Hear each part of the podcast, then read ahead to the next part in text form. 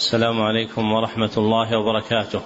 الحمد لله الذي رضي لنا الإسلام دينا وبعث إلينا رسولا صادقا أمينا نحمده سبحانه حق الحمد ونسأله التوفيق للرشد ونصلي ونسلم على سيد المرسلين وخاتم النبيين وإمام المتقين وعلى آله وصحابته الأخيار المنتجبين وتابعيهم بإحسان إلى يوم الدين. أما بعد فحدثنا الحسن بن عبد الهادي الحسني وهو أول حديث سمعته منه.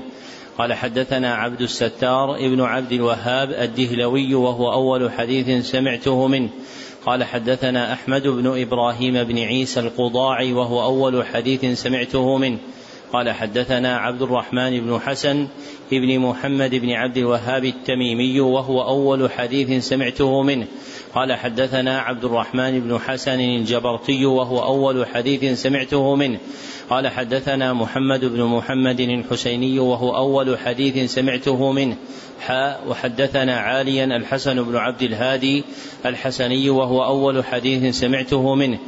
قال حدثنا عبد الستار بن عبد الوهاب الدهلوي وهو أول حديث سمعته منه. قال حدثنا محمد بن خليل الحسني وهو أول حديث سمعته منه. قال حدثنا محمد بن أحمد البهي وهو أول حديث سمعته منه. قال حدثنا محمد بن محمد الحسيني وهو أول حديث سمعته منه. قال حدثنا داود بن سليمان الخربتاوي وهو أول حديث سمعته منه. قال حدثنا محمد الفيومي المصري وهو أول حديث سمعته منه. قال حدثنا يوسف بن عبد الله الأرميوني وهو أول حديث سمعته منه. قال حدثنا عبد الرحمن بن أبي بكر السيوطي وهو أول حديث سمعته منه.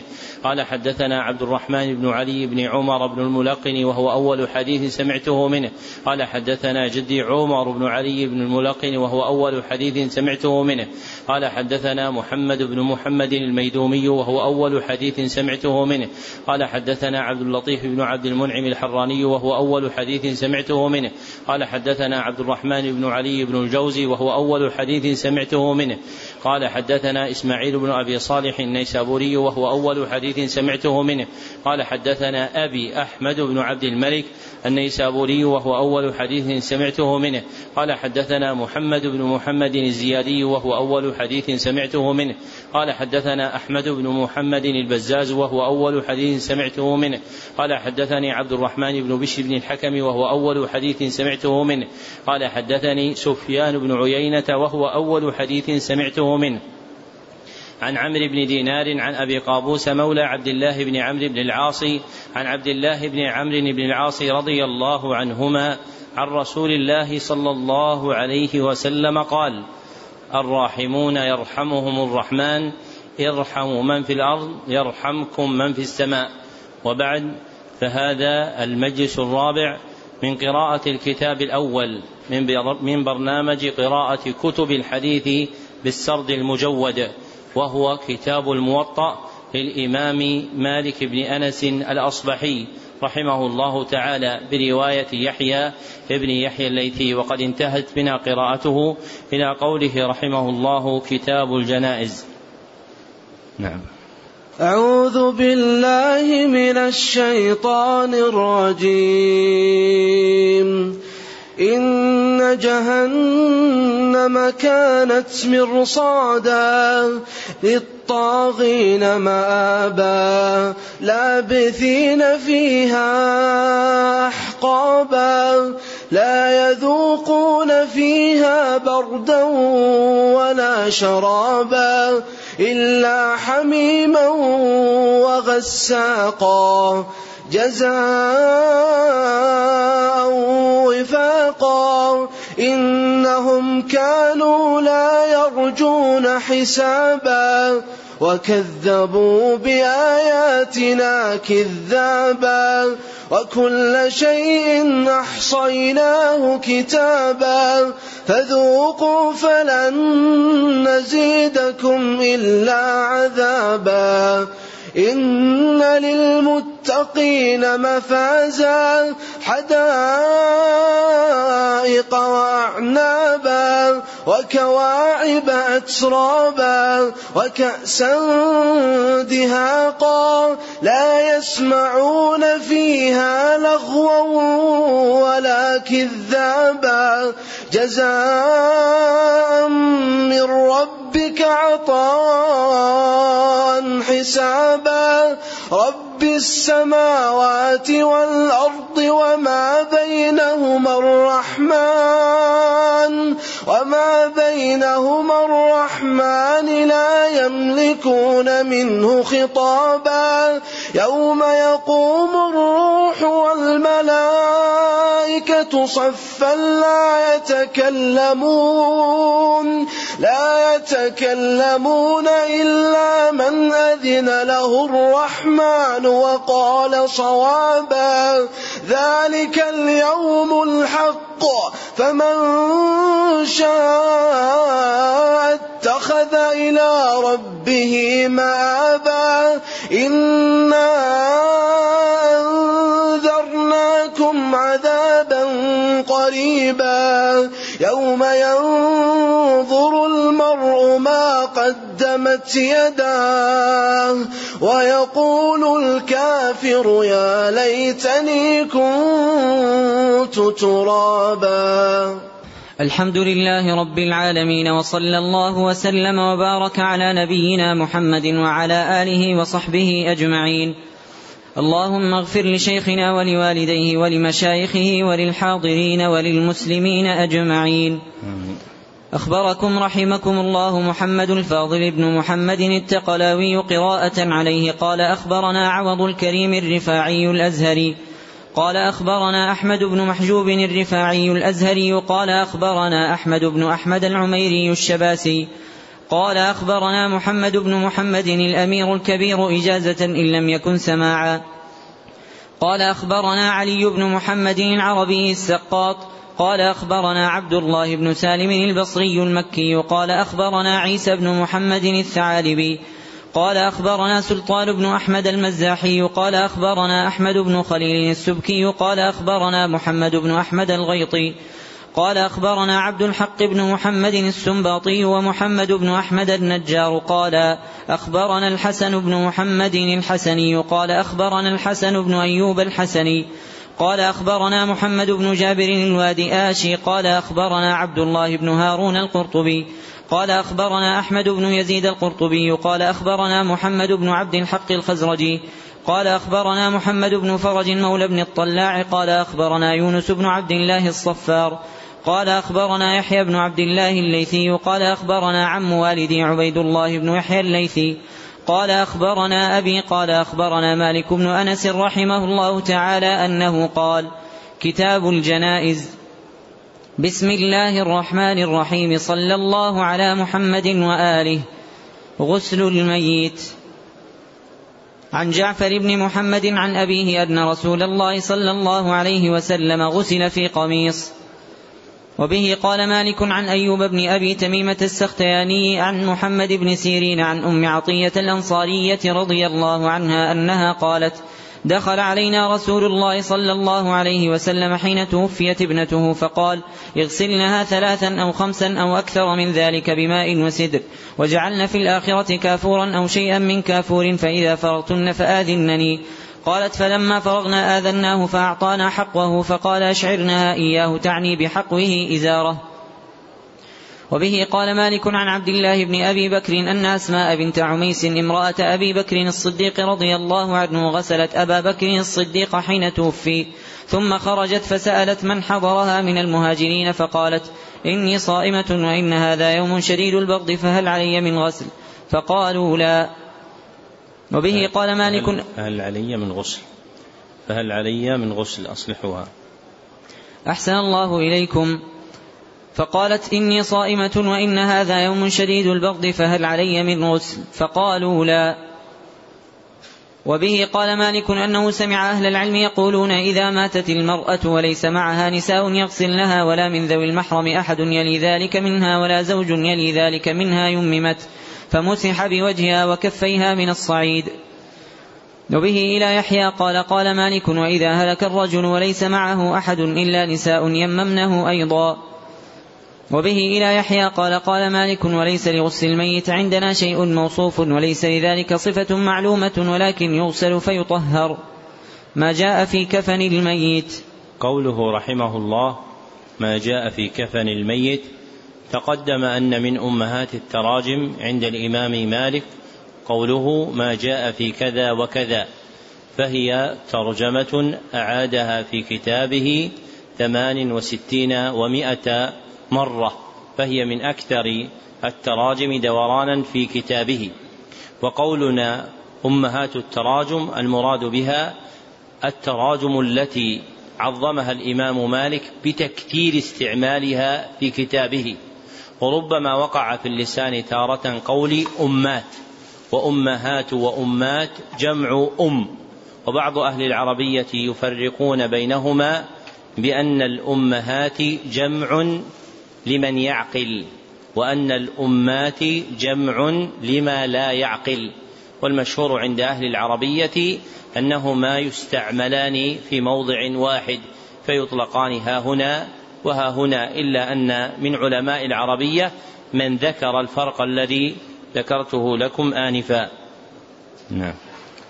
أحسن الله إليكم. وبه قال مالك عن هشام بن عروة عن أبيه عن عائشة رضي الله عنها زوج النبي صلى الله عليه وسلم أن رسول الله صلى الله عليه وسلم كفن في ثلاثة أثواب بيض سحولية ليس فيها قميص ولا عمامة. وبه قال مالك عن يحيى بن سعيد أن رسول الله صلى الله عليه وسلم كفن في ثلاثة أثواب بيض سحولية قوله رحمه الله عن يحيى بن سعيد إذا وقع في الموطأ فهو الأنصاري ولم يروي مالك لأحد سواه اسمه يحيى بن سعيد.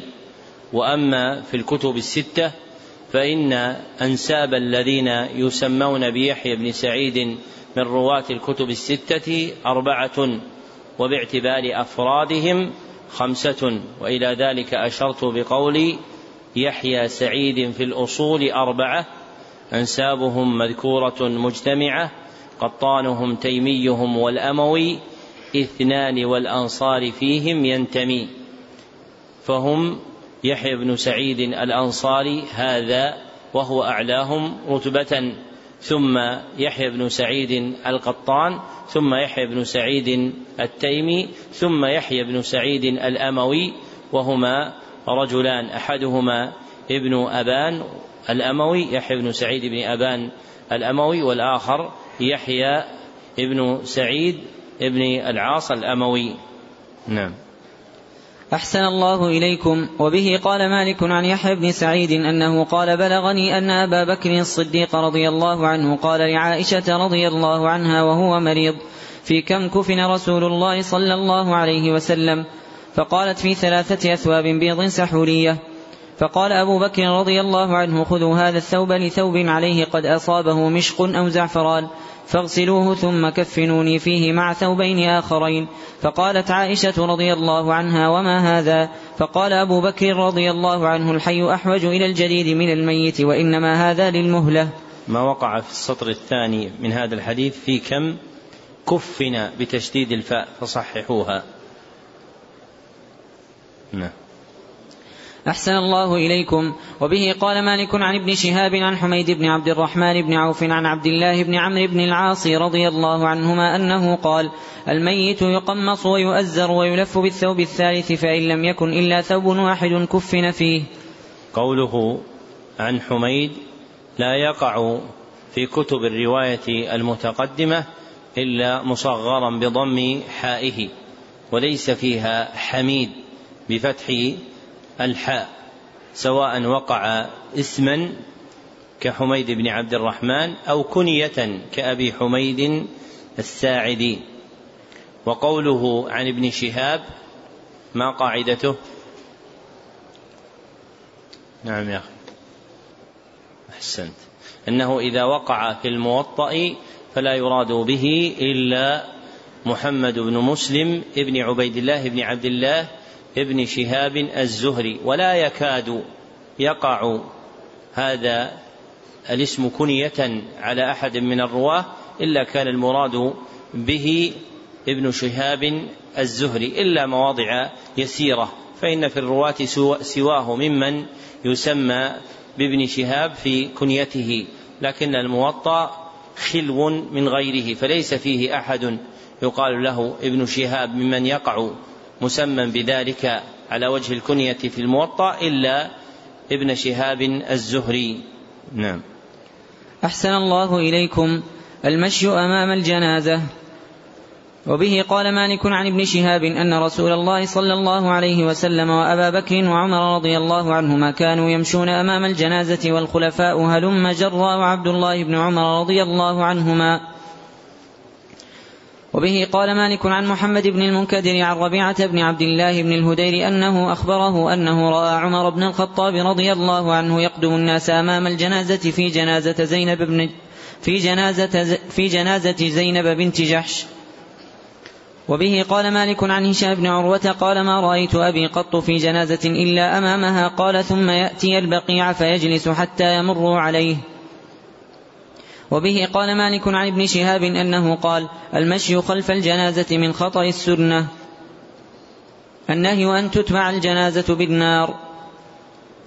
وبه قال مالك عن هشام بن عروة عن أسماء بنت أبي بكر أنها قالت لأهلها أجمروا ثيابي إذا مت ثم حنطوني ولا تذروا على كفني حناطا ولا تتبعوني بنار. وبه قال مالك عن سعيد بن أبي سعيد المقبوري عن أبي هريرة رضي الله عنه أنه نهى أن يتبع بعد موته بنار. وبه إلى يحيى قال سمعت مالكا يكره ذلك. ما جاء في التكبير على الجنائز. وبه قال مالك عن ابن شهاب عن سعيد بن المسيب عن أبي هريرة رضي الله عنه أن رسول الله صلى الله عليه وسلم نعى النجاشي للناس في اليوم الذي مات فيه. وخرج بهم إلى المصلى فصف بهم وكبر أربع تكبيرات. وبه قال مالك عن ابن شهاب عن أبي أمامة بن سهل بن عن أبي أمامة بن سهل بن حنيف أنه أخبره أن مسكينة مرضت فأخبر رسول الله صلى الله عليه وسلم بمرضها. قال وكان رسول الله صلى الله عليه وسلم يعود المساكين ويسأل عنهم. فقال رسول الله صلى الله عليه وسلم إذا ماتت فآذنوني بها. فأخرج بجنازتها ليلا فكرهوا أن يوقظوا رسول الله صلى الله عليه وسلم. فلما أصبح رسول الله صلى الله عليه وسلم أخبر بالذي كان من شأنها فقال ألم آمركم أن تؤذنوني بها؟ فقالوا يا رسول الله كرهنا أن نخرجك ليلا ونوقظك. فخرج رسول الله صلى الله عليه وسلم حتى صف بالناس على قبرها وكبر أربع تكبيرات. قوله عن أبي أمامة بن سهل بن حنيف لا يقع هذا الاسم في أسماء الرواة في الكتب المشهورة كالموطأ والصحيحين وبقية الستة إلا مصغرا بضم أوله حنيف فليس فيها حنيف ولم يقع أحد من رواتها مسمى حنيفا ولا حنيفا وإنما يقع حنيف في أسماء الآباء والأجداد كأبي أمامة ابن سهل ابن حنيف. نعم. أحسن الله إليكم. وبه قال مالك أنه سأل ابن شهاب عن الرجل يدرك بعض التكبير على الجنازة ويفوته بعضه فقال يقضي ما فاته من ذلك. ما يقول المصلي على الجنازة؟ وبه قال مالك عن سعيد بن أبي سعيد. الجنازة. على الجنازة أفصح. أحسن الله إليكم. ما يقول المصلي على الجنازة؟ وبه قال مالك عن سعيد بن أبي سعيد المقبوري عن أبيه أنه سأل أبا هريرة رضي الله عنه كيف يصلى على الجنازة.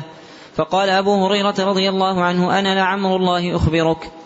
أتبعها من أهلها فإذا وضعت كبرت وحمدت الله وصليت على نبيه ثم أقول اللهم عبدك وابن عبدك وابن أمتك كان يشهد أن لا إله إلا أنت وأن محمدا عبدك ورسولك وأنت أعلم به. اللهم إن كان محسنا فزد في إحسانه وإن كان مسيئا فتجاوز عن سيئاته. اللهم لا تحرمنا أجره ولا تفتنا بعده. وبه قال مالك عن يحيى بن سعيد أنه قال سمعت سعيد بن المسيب يقول صليت وراء أبي هريرة رضي الله عنه على صبي لم يعمل خطيئة قط فسمعته يقول اللهم أعذه من عذاب القبر. وبه قال مالك عن نافع أن عبد الله بن عمر رضي الله عنهما كان لا يقرأ في الصلاة على الجنازة. الصلاة على الجنائز بعد الصبح وبعد العصر.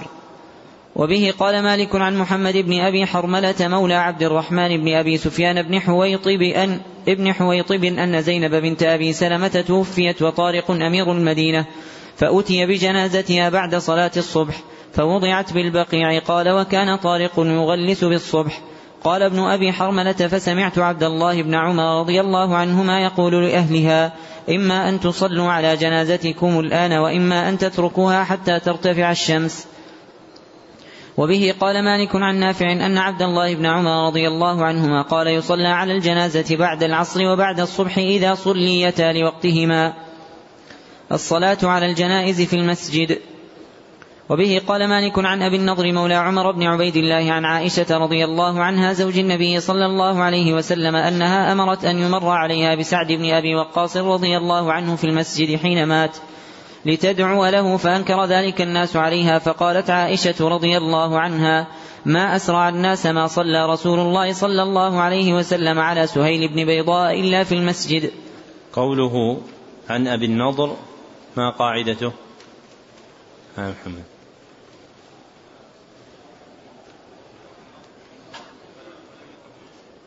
ولا في غير الموطأ أيضا.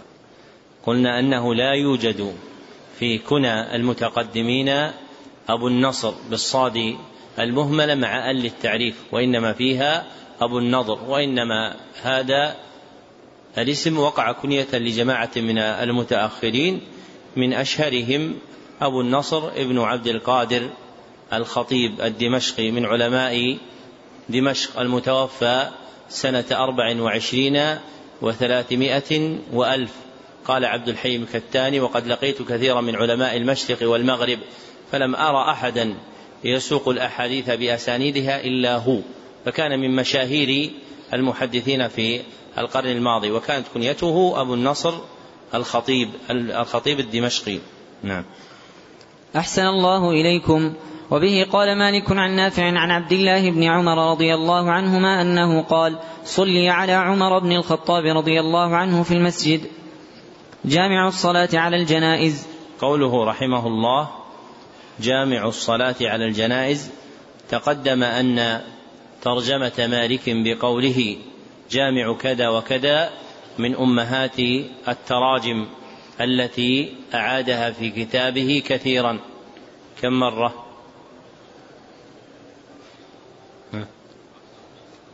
إحدى وأربعون مرة أعادها مالك إحدى وأربعين مرة. وما معناها؟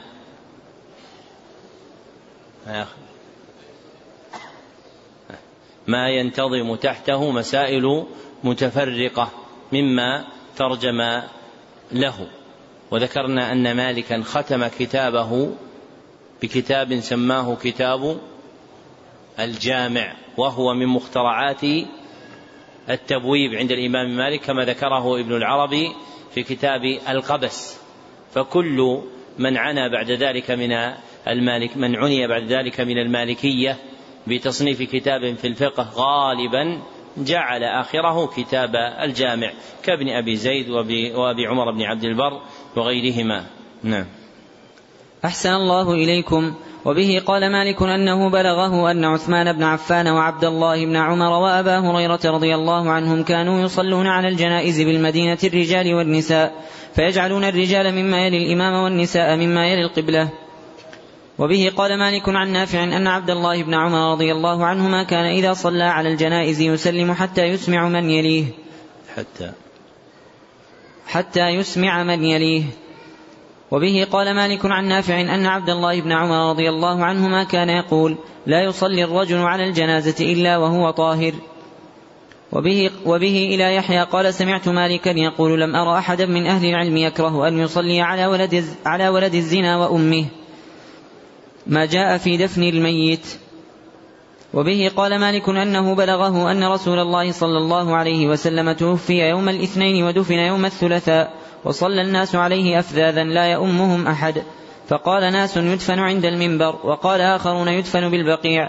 فجاء أبو بكر الصديق رضي الله عنه فقال سمعت رسول الله صلى الله عليه وسلم يقول ما دفن نبي قط إلا في مكانه الذي توفي فيه فحفر له فيه فلما كان عند غسله أرادوا نزع قميصه فسمعوا صوتا يقول لا تنزع القميص. فلم ينزع القميص وغسل وهو عليه صلى الله عليه وسلم. وبه قال مالك عن هشام بن عروة عن أبيه أنه قال كان بالمدينة رجلان أحدهما يلحد والآخر لا يلحد فقالوا أيهما جاء أول عمل عمله فجاء الذي يلحد فلحد لرسول الله صلى الله عليه وسلم. وبه قال مالك أنه بلغه أن أم سلمة زوج النبي صلى الله عليه وسلم كانت تقول ما صدقت بموت رسول الله صلى الله عليه وسلم حتى سمعت وقع الكرازين. وبه قال مالك عن يحيى بن سعيد أن عائشة رضي الله عنها زوج النبي صلى الله عليه وسلم قالت رأيت ثلاثة أقمار سقطن في حجري فقصصت رؤياي على أبي بكر الصديق قالت فلما توفي رسول الله صلى الله عليه وسلم ودفن في بيتها قال, له قال لها أبو بكر رضي الله عنه هذا أحد أقمارك وهو خيرها وبه قال مالك عن غير واحد ممن يثق به أن سعد بن أبي وقاص وسعيد بن زيد بن عمرو بن نفيل توفيا بالعقيق وحملا إلى المدينة ودفنا بها. وبه قال مالك عن هشام بن عروة عن أبيه أنه قال ما أحب أن أدفن بالبقيع لأن أدفن في غيره أحب إلي من أن أدفن فيه إنما هو أحد رجلين إما ظالم فلا أحب أن أدفن معه وإما صالح فلا أحب أن تنبش لي عظامه. الوقوف للجنائز والجلوس على المقابر. وبه قال مالك عن يحيى الوقوف للجنائز والجلوس على المقابر. أحسن الله إليكم. الوقوف للجنائز والجلوس على المقابر. وبه قال مالك عن يحيى بن سعيد عن واقد بن سعد بن معاذ عن نافع بن جبير بن مطعم عن مسعود بن الحكم عن علي بن أبي طالب رضي الله عنه أن رسول الله صلى الله عليه وسلم كان يقوم في الجنائز. ثم جلس بعد. وبه قال مالك أنه بلغه أن علي بن أبي طالب رضي الله عنه كان يتوسد القبور ويضطجع عليها. وبه إلى يحيى قال قال مالك وإنما نهي عن القعود على المقابر فيما نرى للمذاهب. وبه قال مالك عن أبي بكر بن عثمان بن سهل بن حنيف أنه سمع أبا أمامة بن سهل بن حنيف يقول كنا نشهد الجنائز فما يجلس آخر الناس حتى يؤذنوا. قوله ابن حنيف ما قاعدتها؟ نعم. إنه لم يقع في الموطأ ولا في الكتب الستة إلا مصغرا فليس فيها حنيف. وهذا حنيف الذي وقع إنما هو في أسماء الآباء أو الأجداد فليس فيها راو اسمه حنيف. نعم. أحسن الله إليكم النهي عن البكاء على الميت. وبه قال مالك عن عبد الله بن عبد الله بن جابر بن عتيك عن عتيك بن الحارث بن عتيك وهو جد عبد الله بن عبد الله بن جابر أبو أمه أنه أخبره أن جابر بن عتيك أخبره أن رسول الله صلى الله عليه وسلم جاء يعود عبد الله بن ثابت فوجده قد غلب عليه. فصاح به فلم يجبه فاسترجع رسول الله صلى الله عليه وسلم وقال غلبنا عليك يا أبا الربيع. فصاح النسوة وبكين فجعل جابر يسكتهن. فقال رسول الله صلى الله عليه وسلم دعهن فإذا وجب فلا تبكين باكية. قالوا يا رسول الله وما, وما الوجوب؟ قال إذا مات. فقالت ابنته والله إن كنت والله إن كنت لأرجو أن تكون شهيدا فإنك كنت قد قضيت جهازك. فقال رسول الله صلى الله عليه وسلم إن الله قد أوقع أجره على قدر نيته وما تعدون الشهادة؟ قال القتل في سبيل قالوا القتل في سبيل الله. فقال رسول الله صلى الله عليه وسلم الشهداء سبعة سوى القتل في سبيل الله. المطعون شهيد والغرق شهيد وصاحب ذات الجنب شهيد والمبطون شهيد والحرق شهيد والذي يموت تحت الهدم شهيد والمرأة تموت بجمع شهيد. ليس فيها بالراء المفتوحة والحرق وإنما والحرق أو والحرق شهيد. أحسن الله إليكم. حتى في الهامش قال ضبطت في الأصل والحرق يعني بسكون وبهامشه والحرق بكسر الراء. وكذلك بهامشه والحريق يعني من أصابه الحريق الرجل المحترق فعيل بمعنى مفعول. فإما أن تكون الحرق أو الحرق. والحرق شهيد. والأولى والغرق كالغرق الحرق كالغرق والحرق شهيد. نعم. أحسن الله إليكم. وبه قال مالك عن عبد الله بن أبي بكر عن أبيه عن عمرة بنت عبد الرحمن أنها أخبرت أنها سمعت عائشة رضي الله عنها أم المؤمنين تقول وذكر لها أن عبد الله بن عمر رضي الله عنهما يقول إن الميت ليعذب ببكاء الحي. فقالت عائشة رضي الله عنها يغفر الله لأبي عبد الرحمن أما إنه لم يكذب ولكنه نسي أو أخطأ إنما مر رسول الله صلى الله عليه وسلم بيهودية يبكي عليها أهلها فقال إنكم لتبكون عليها وإنها لتعذب في قبرها. الحسبة في المصيبة. قوله رحمه الله الحسبة في المصيبة أي الصبر عليها رجاء حصول الأجر. أي الصبر عليها رجاء حصول الأجر فهو يحتسب ثوابه على الله يعده محسوبا على الله سبحانه وتعالى. نعم. أحسن الله إليكم. وبه قال مالك عن ابن شهاب عن سعيد بن المسيب عن أبي هريرة رضي الله عنه أن رسول الله صلى الله عليه وسلم قال لا يموت لأحد من المسلمين ثلاثة من الولد فتمسه النار إلا تحلة القسم. وبه قال مالك عن محمد بن أبي بكر بن حزم عن أبيه عن أبي النضر السلمي عن أن رسول الله صلى الله عليه وسلم قال لا يموت لأحد من المسلمين ثلاثة من الولد فيحتسبهم إلا كانوا له جنة من النار. فقالت امرأة عند رسول الله صلى الله عليه وسلم يا رسول الله أو اثنان؟ قال أو اثنان. وبه قال مالك أنه بلغه عن أبي الحباب سعيد بن يسار عن أبي هريرة رضي الله عنه أن رسول الله صلى الله عليه وسلم قال ما يزال المؤمن يصاب في ولده وحامته حتى يلقى الله وليست له خطيئة. جامع الحسبة في المصيبة. وبه قال مالك عن عبد الرحمن بن القاسم أن رسول الله صلى الله عليه وسلم قال ليعزي المسلمين في مصائبهم في مصائبهم المصيبة بي. وبه قال مالك عن ربيعة بن أبي عبد الرحمن عن أم سلمة رضي الله عنها زوج النبي صلى الله عليه وسلم أن رسول الله صلى الله عليه وسلم قال من أصابته مصيبة فقال كما أمره الله إنا لله وإنا إليه راجعون. اللهم آجرني في مصيبتي وأعقبني خيرا منها إلا فعل الله ذلك به. قالت أم سلمة رضي الله عنها فلما توفي أبو سلمة قلت ذلك ثم قلت ومن خير من أبي سلمة؟ فأعقبها الله رسوله صلى الله عليه وسلم فتزوجها. قوله عن أم سلمة ما قاعدة سلمة؟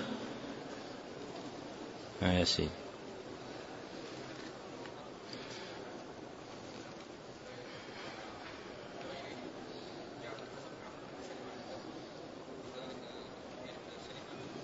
أحسن.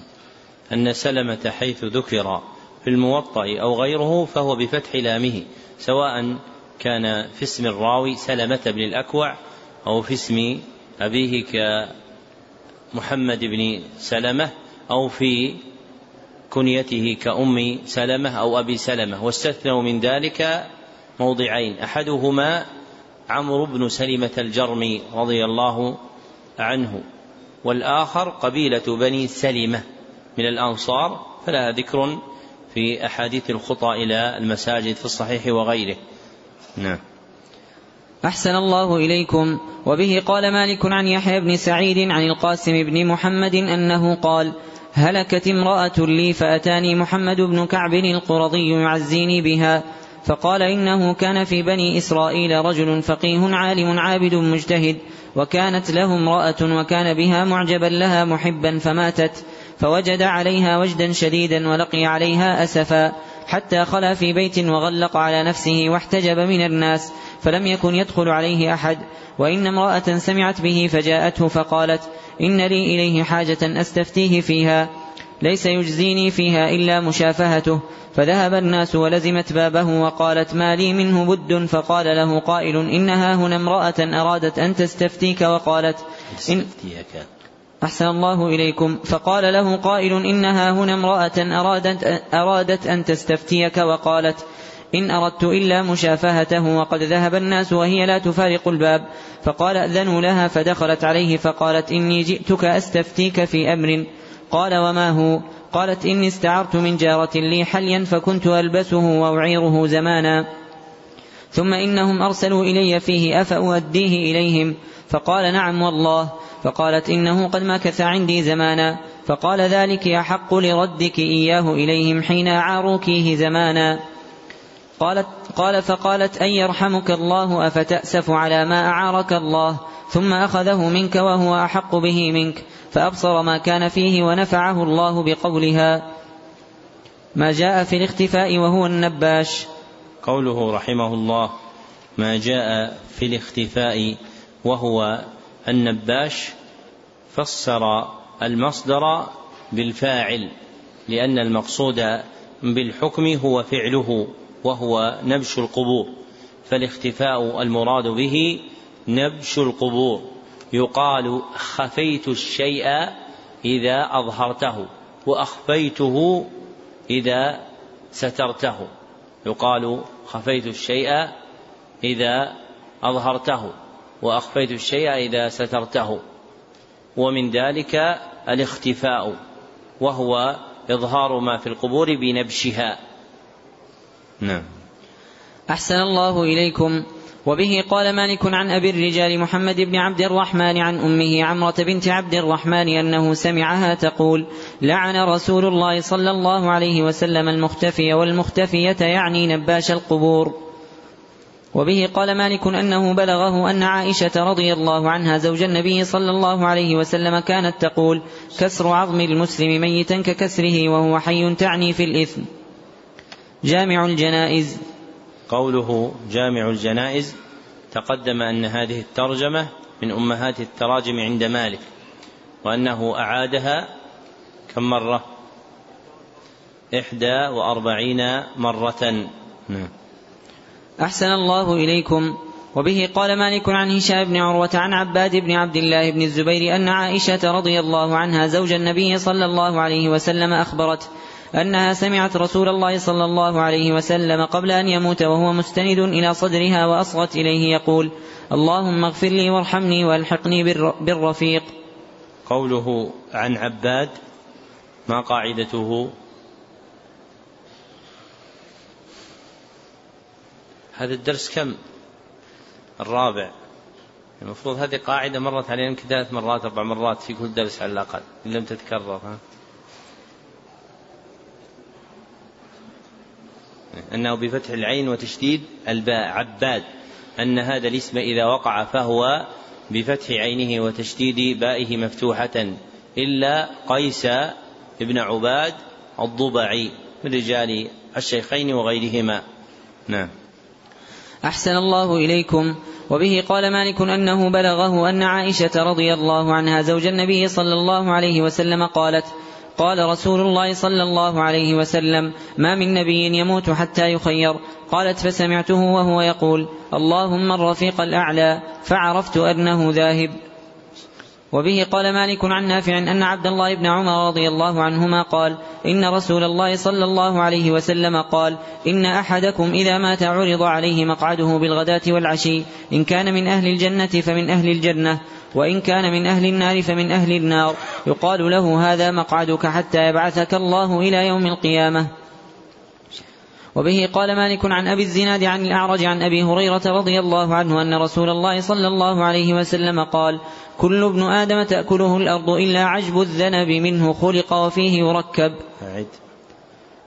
أن رسول الله صلى الله عليه وسلم قال كل ابن آدم تأكله الأرض إلا عجب الذنب منه خلق وفيه يركب. وبه قال مالك عن ابن شهاب عن عبد الرحمن بن كعب الأنصاري أنه أخبره أن أباه كعب بن مالك كان يحدث أن رسول الله صلى الله عليه وسلم قال إنما نسمة المؤمن طير يعلق في الجنة حتى يرجعه الله إلى جسده يوم يبعثه. وبه قال مالك عن أبي الزناد عن الأعرج عن أبي هريرة رضي الله عنه أن رسول الله صلى الله عليه وسلم قال قال الله تبارك وتعالى إذا أحب عبدي لقائي أحببت لقاءه وإذا كره لقائي كرهت لقاءه. وبه قال مالك عن أبي الزناد عن الأعرج عن أبي هريرة رضي الله عنه أن رسول الله صلى الله عليه وسلم قال قال رجل لم يعمل حسنة قط لأهله إذا مات فحرقوه ثم اذروا نصفه في البر ونصفه في البحر فوالله لئن قدر الله عليه ليعذبنه عذابا لا يعذبه أحدا من العالمين. فلما مات الرجل فعلوا ما أمرهم به فأمر الله البر فجمع ما فيه وأمر البحر فجمع ما فيه ثم قال لم فعلت هذا؟ قال من خشيتك يا رب وأنت أعلم قال فغفر له. وبه قال مالك عن أبي الزناد عن الأعرج عن أبي هريرة رضي الله عنه أن رسول الله صلى الله عليه وسلم قال كل مولود يولد على الفطرة فأبواه يهودان أو ينصرانه كما تناتج الإبل من بهيمة جمعاء. هل تحس من جدعاء؟ قالوا يا رسول الله أرأيت الذي يموت وهو صغير؟ قال الله أعلم بما كانوا عاملين. وبه قال مالك عن أبي الزناد عن الأعرج عن أبي هريرة رضي الله عنه أن رسول الله صلى الله عليه وسلم قال لا تقوم الساعة حتى يمر الرجل بقبر الرجل فيقول يا ليتني مكانه. قوله رحمه الله عن الأعرج قاعدته. آه يا أخي.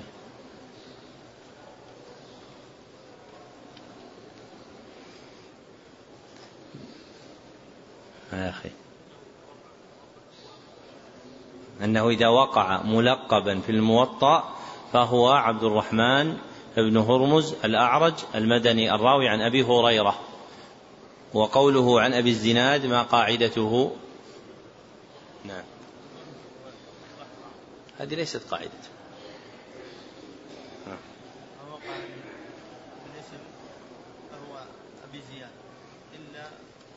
أحسنت أحسنت. أن ما وقع وفق هذا الرسم فهو أبو زياد إلا أبو الزناد هذا فإنه بزاي فنون. وهو عبد الله بن ذكوان المدني كما قال الأخ. وهذا الموضع ذكر فيه مالك أربعة أحاديث بسند واحد وهذا نادر في الموطأ. فكل هذه الأحاديث الأربعة هي من رواية مالك عن أبي الزناد عن الأعرج عن أبي هريرة. نعم. أحسن الله إليكم. وبه قال مالك عن محمد بن عمرو بن حلحلة عن معبد بن كعب بن مالك عن أبي قتادة بن ربعي رضي الله عنه أنه كان يحدث أن رسول الله صلى الله عليه وسلم مر عليه بجنازة فقال مستريح ومستراح منه. قالوا يا رسول الله ما المستريح وما المستراح قالوا يا رسول الله ما المستريح والمستراح منه. قال العبد المؤمن يستريح من نصب الدنيا وأذاها إلى رحمة الله. والعبد الفاجر يستريح منه العباد والبلاد والشجر والدواب. وبه قال مالك عن أبي النضر مولى عمر بن عبيد الله أنه قال قال رسول الله صلى الله عليه وسلم لما مات عثمان بن مضعون ومر بجنازته ذهبت ولم تلبس منها بشيء. قوله عن أبي النضر ما قاعدته.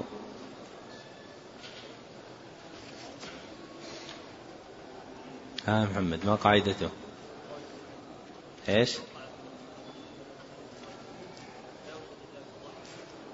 لا يوجد إلا المعجمة أنه إذا وقع في أسماء المتقدمين فلا يعرف في كناهم إلا بالضاد المعجمة وليس فيها أبو النصر بالتعريف. أما بدون تعريف أبي نصر فيوجد فيهم أبو نصر. نعم. أحسن الله إليكم. وبه قال مالك عن علقمة بن عن علقمة بن أبي علقمة عن أمه أنها قالت سمعت عائشة رضي الله عنها زوج النبي صلى الله عليه وسلم تقول قام رسول الله صلى الله عليه وسلم ذات ليلة فلبس ثيابه ثم خرج. قالت فأمرت جاريتي بريرة تتبعه فتبعته حتى جاء البقيع فوقف في أدناه ما شاء الله أن يقف. ثم انصرف فسبقته بريرة فأخبرتني فلم أذكر له شيئا حتى أصبح ثم ذكرت ذلك له فقال إني بعثت إلى أهل البقيع لأصلي عليهم. وبه قال مالك عن نافع أن أبا هريرة رضي الله عنه قال أسرعوا بجنائزكم فإنما هو خير تقدمونهم إليه أو شر تضعونه عن رقابكم. كمل كتاب الجنائز والحمد لله كثيرا وصلى الله على نبينا محمد وعلى آله وسلم تسليما. كتاب الزكاة. بسم الله الرحمن الرحيم. ما تجب فيه الزكاة. وبه قال مالك عن عمرو بن يحيى المازني عن أبيه أنه قال سمعت أبا سعيد الخدري رضي الله عنه يقول قال رسول الله صلى الله عليه وسلم ليس فيما دون خمس ذود صدقة وليس فيما دون خمس أواق صدقة وليس فيما دون خمسة أوسق صدقة. وبه قال مالك عن محمد بن عبد الله بن عبد الرحمن بن أبي صعصعة الأنصاري ثم المازني عن أبيه عن أبي سعيد الخدري رضي الله عنه أن رسول الله صلى الله عليه وسلم قال ليس فيما دون خمسة أوسق من التمر صدقة وليس فيما دون خمس أواق من الورق صدقة وليس فيما دون خمس ذود من الإبل صدقة وبه قال مالك أنه بلغه أن عمر بن. أن عمر بن عبد العزيز كتب إلى عامله على دمشق في الصدقة إنما الصدقة في الحرث والعين والماشية. وبه إلى يحيى قال قال مالك ولا تكون الصدقة إلا في ثلاثة أشياء في الحرث والعين والماشية. الزكاة في العين من الذهب والورق. قوله رحمه الله الزكاة في العين أي في المال. فإن العين تقع على معان عدة فهي مشترك لفظي وأحد تلك المعاني المال فتقدير الترجمة الزكاة في المال الذي هو من ذهب أو ورق والورق الفضة. نعم. أحسن الله إليكم. وبه قال مالك عن محمد بن عقبة مولى الزبير أنه سأل القاسم بن محمد عن مكاتب له قاطعه بمال عظيم هل عليه فيه زكاة. فقال القاسم إن أبا بكر الصديق رضي الله عنه لم يكن يأخذ من مال زكاة حتى يحول عليه الحول. قال القاسم بن محمد وكان أبو بكر إذا أعطى الناس أعطياتهم يسأل الرجل هل عندك من مال وجبت عليك فيه الزكاة؟ فإن قال نعم أخذ من عطائه زكاة ذلك المال وإن قال لا أسلم إليه عطاءه ولم يأخذ منه شيئا. وبه قال مالك عن عمر بن حسين عن, عن عمر بن حسين عن عائشة بنت قدامة عن أبيها أنه قال كنت إذا جئت عثمان بن عفان رضي الله عنه أقبض عطائي سألني هل عندك من مال وجبت عليك فيه الزكاة؟ قال فإن قلت نعم أخذ من عطائي زكاة ذلك المال وإن قلت لا دفع إلي عطائي. وبه قال مالك عن نافع أن عبد الله بن عمر رضي الله عنهما كان يقول لا تجب في مال زكاة حتى يحول عليه الحول. وبه قال مالك عن ابن شهاب أنه قال أول من أخذ من الأعطية الزكاة معاوية بن أبي سفيان رضي الله عنه. وبه إلى يحيى قال قال مالك السنة التي لا اختلاف فيها عندنا أن الزكاة تجب في عشرين دينارا كما تجب في مئتي درهم. مئتي. أحسن الله إليكم. وبه إلى يحيى قال قال مالك السنة التي لا اختلاف فيها عندنا أن الزكاة تجب في عشرين دينارا كما تجب في مئتي درهم. الرام. رام. كما تجب في مئتي درهم. إيه، هذا خطأ مشهور. الراء دائما تسمع يفخمونها في كلمة درهم وهي مرققة لأن ما قبلها مكسور. والدرهم لا يستحق التعظيم. حتى تحفظونها. ومن اللطائف الإمام أحمد رحمه الله تعالى قال له رجل أيما أفضل حماد بن سلمة أم حماد بن زيد؟ فقال ليس الدينار كالدرهم. حماد بن زيد اسمه حماد بن زيد ابن درهم وحماد بن سلمة ابن دينار. فأراد تفضيل حماد بن سلمة فقال ليس الدينار كالدرهم. نعم. أحسن الله إليكم. وبه قال مالك ليس في عشرين دينارا ناقصة بينة النقصان زكاة فإن زادت حتى تبلغ بزيادتها عشرين دينارا وازنة ففيها الزكاة. ومن اللطائف من اللطائف هذه قاعدة من القواعد الأغلبية. الغالب أن من اسم الغالب أن من اسم أبيه من المحدثين دينار فهو ثقة أو صدوق. الغالب أن من اسم والده دينار فإنه ثقة أو صدوق. فيهم بعض الضعفاء وهم قليل لكن أكثر من يكون اسم أبوه دينار فهو ثقة أو صدوق نعم. أحسن الله إليكم. وبه إلى يحيى قال قال مالك وليس فيما دون عشرين دينارا عينا زكاة. قال مالك وليس في مئتي درهم ناقصة بينة النقصان زكاة. فإذا زالت حتى تبلغ بزيادتها مئتي درهم وافية ففيها الزكاة. فإن كانت تجوز بجواز الوازنة رأيت فيها الزكاة. دنانير كانت أو دراهم. وبه قال مالك في رجل كانت عنده ستون ومائة درهم وازنة وصرف الدراهم ببلده ثمانية دراهم بدينار أنها لا تجب فيها الزكاة وإنما تجب الزكاة في عشرين دينارا عينا أو مائتي درهم. وبه قال مالك في رجل كانت له خمسة دنانير من فائلة أو غيرها فتجر فيها فلم يأتي الحول حتى بلغت ما تجب فيه الزكاة أنه يزكيها. وإن لم تتم إلا قبل أن يحول عليها الحول بيوم واحد أو بعدما يحول عليها الحول بيوم واحد ثم لا زكاة فيها حتى يحول عليها الحول من يوم زك من يوم زكيت. وبه قال مالك في رجل كانت له عشرة دنانير فتجر فيها فحال عليها الحول وقد بلغت عشرين دينارا. أنه يزكيها مكانه ولا ينتظر بها حتى ولا ينتظر بها أن يحول عليها الحول. من يوم بلغت ما تجب فيه الزكاة. لأن الحول قد حال عليها وهي عنده عشرة دنانير ثم لا زكاة فيها حتى يحول عليها الحول من يوم زكيت. وبه إلى يحيى قال قال مالك الأمر المجتمع عليه عندنا في إجارة العبيد وخراجهم وكراء, المساك وكراء المساكن وكتابة المكاتب أنه لا تجب في شيء من ذلك الزكاة قل ذلك أو كثر حتى يحول عليه الحول من يوم يقبضه صاحبه. وبه قال مالك في الذهب والورق يكون بين الشركاء إن من بلغت حصته منهم عشرين دينارا عينا أو مئتي درهم فعليها فعليه فيها الزكاة. ومن نقصت حصته مما تجب فيه الزكاة فلا زكاة عليه. وإن بلغت حصصهم جميعا ما تجب فيه الزكاة وكان بعضهم في ذلك أفضل نصيبا من بعض. أخذ من كل إنسان بقدر حصته. إذا كان في حصة كل إنسان منهم ما تجب فيه الزكاة. وذلك أن رسول الله صلى الله عليه وسلم قال ليس فيما دون خمس أواق من الورق صدقة. قال مالك وهذا أحب ما سمعت إلي. وبه قال مالك وإذا كانت لرجل ذهب أو ورق متفرقة بأيدي ناس شتى فإنه ينبغي له أن يحصيها جميعا ثم يخرج ما وجب عليه من زكاتها من زكاته ثم يخرج ثم يخرج ما وجب عليه من زكاتها كلها. وبه قال مالك من أفاد ذهبا أو ورقا فإنه لا زكاة عليه فيها حتى يحول عليه الحول من يوم أفادها الزكاة في المعادن.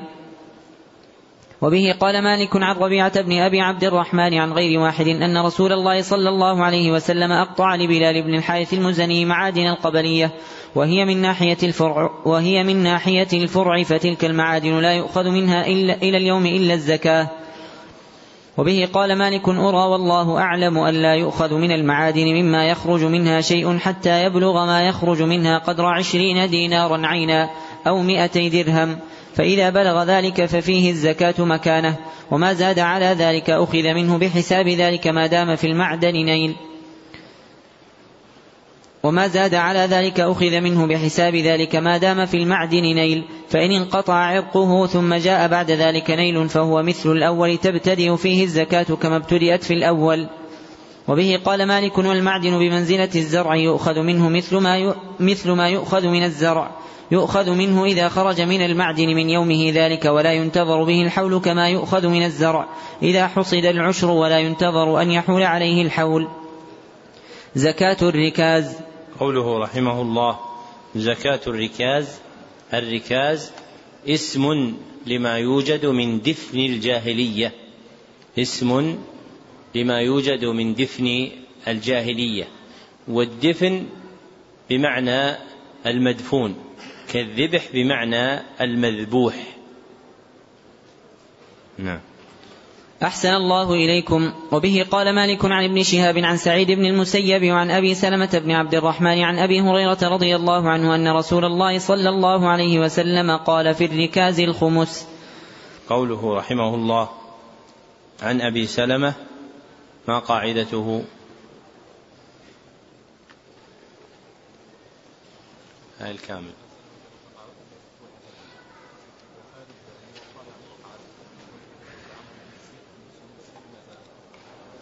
جرمي.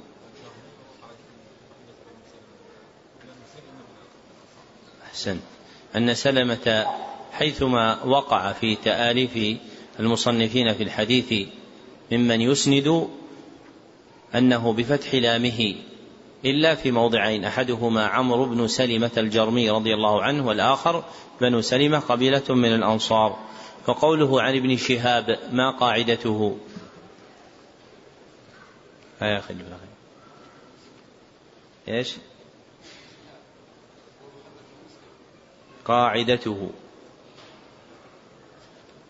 أنا أسأل عن قاعدته. نحن لا نعتني ببيان أسماء المكنين أو المبهمين أو المهملين نعتني بالقاعدة. ما القاعدة في ابن شهاب؟ أين؟ هذه القاعدة أنه إذا وقع ذكر ابن شهاب في الموطأ فهو محمد بن مسلم بن عبيد الله بن عبد الله بن شهاب الزهري. نعم. أحسن الله إليكم. وبه قال مالك الأمر الذي لا اختلاف فيه عندنا والذي سمعت من أهل العلم يقولون إن الركاز إنما هو دفن يوجد من دفن الجاهلية. دفن يوجد من دفن الجاهلية. فالكسر متفق على صحته والفتح فيه خلاف. الصواب دفن يوجد من دفن الجاهلية. نعم. أحسن الله إليكم. وبه قال مالك الأمر الذي لا اختلاف فيه عندنا والذي سمعت من أهل العلم يقولون إن الركاز إنما هو دفن يوجد من دفن الجاهلية ما لم يطلب بمال ولم تتكلف فيه نفقة ولا كبير عمل ولا مؤونة. فأما ما طلب بمال وتكلف فيه كبير عمل فأصيب مرة وأخطئ مرة فليس بركاز. ما لا زكاة فيه من الحلي والتبر والعنبر. وبه قال مالك عن عبد الرحمن بن القاسم عن أبيه. معاذ ما لا زكاة فيه. ما لا زكاة فيه من الحلي والتبر والعنبر. قوله رحمه الله والتبر اسم لكسارة الذهب والفضة. اسم لكسارة الذهب والفضة المختلطة بغيرها قبل أن تخلص وتصاغ في صورة شيء ما. وقوله والعنبر اسم لمادة تستخرج من البحر معروفة عند الناس. نعم. وبه قال مالك عن عبد الرحمن بن القاسم عن أبيه أن عائشة رضي الله عنها زوج النبي صلى الله عليه وسلم كانت تلي بنات أخيها يتامى في حجرها لهن الحلي فلا تخرج من حليهن الزكاة. وبه قال مالك عن نافع أن عبد الله بن عمر رضي الله عنهما كان يحلي بناته وجواريه الذهب ثم لا يخرج من حليهن الزكاة. وبه قال مالك من كان عنده تبر من كان عنده تبر أو حلي من ذهب أو فضة لا ينتفع به للبس فإن عليه فيه الزكاة في كل عام. يوزن فيؤخذ ربع عشره إلا أن ينقص من وزن إلا أن ينقص من وزن عشرين دينارا عينا أو مئتي درهم. فإن نقص من ذلك فليس فيه زكاة وإنما تكون فيه الزكاة إذا كان إنما يمسكه لغير اللبس. فأما التبر والحلي المكسور الذي يريد أهله إصلاحه ولبسه فإنما هو بمنزلة المتاع الذي يكون عند أهله فليس على أهله فيه زكاة. وبه قال مالك ليس في اللؤلؤ ولا المسك ولا العنبر زكاة. زكاة أموال اليتامى والتجارة لهم فيها. زكاة. زكاة أموال اليتامى والتجارة لهم فيها. وبه قال مالك أنه بلغه أن عمر بن الخطاب رضي الله عنه قال اتجروا في أموال اليتامى لا تأكلها الزكاة. وبه قال مالك عن عبد الرحمن بن القاسم عن أبيه أنه قال كانت عائشة رضي الله عنها تليني أنا وأخا لي يتيمين في حجرها فكانت تخرج من أموالنا الزكاة. وبه قال مالك أنه بلغه أن عائشة رضي الله عنها زوج النبي صلى الله عليه وسلم كانت تعطي أموال اليتامى من يتجر لهم فيها. وبه قال مالك عن يحيى بن سعيد أنه اشترى لبني أخيه يتامى في حجره مالا فبيع ذلك المال بعد بمال كثير. وبه قال مالك لا بأس بالتجارة في أموال اليتامى لهم إذا كان الوالي إذا كان الوالي مأمونا فلا أرى عليه ضمانا. زكاة المو... زكاة الميراث. هذه الضم على الياء لا محل لها. إذا كان الوالي مأمونا. نعم. أحسن الله إليكم. لماذا لا تظهر الضمة؟ لأجل؟ إيش؟ لأجل الثقل على الياء. نعم. أحسن الله إليكم. زكاة الميراث. وبه قال مالك أنه قال إن الرجل إذا هلك ولم يؤد زكاة ماله إني أرى أن يؤخذ ذلك من ثلث ماله ولا يجاوز بها الثلث. وتبدأ على الوصايا وأراها بمنزلة الدين عليه فلذلك رأيت أن تبدأ على الوصايا. قال وذلك إذا أوصى بها الميت. قال فإن لم يوصي بذلك الميت ففعل ذلك أهله فذلك حسن وإن لم يفعل ذلك أهله لم يلزمهم ذلك.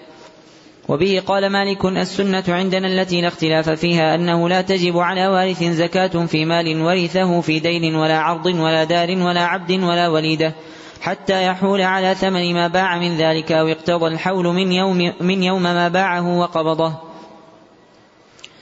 وبه قال مالك السنة عندنا أنه لا تجب على وارث في مال ورثه الزكاة حتى يحول عليه الحول.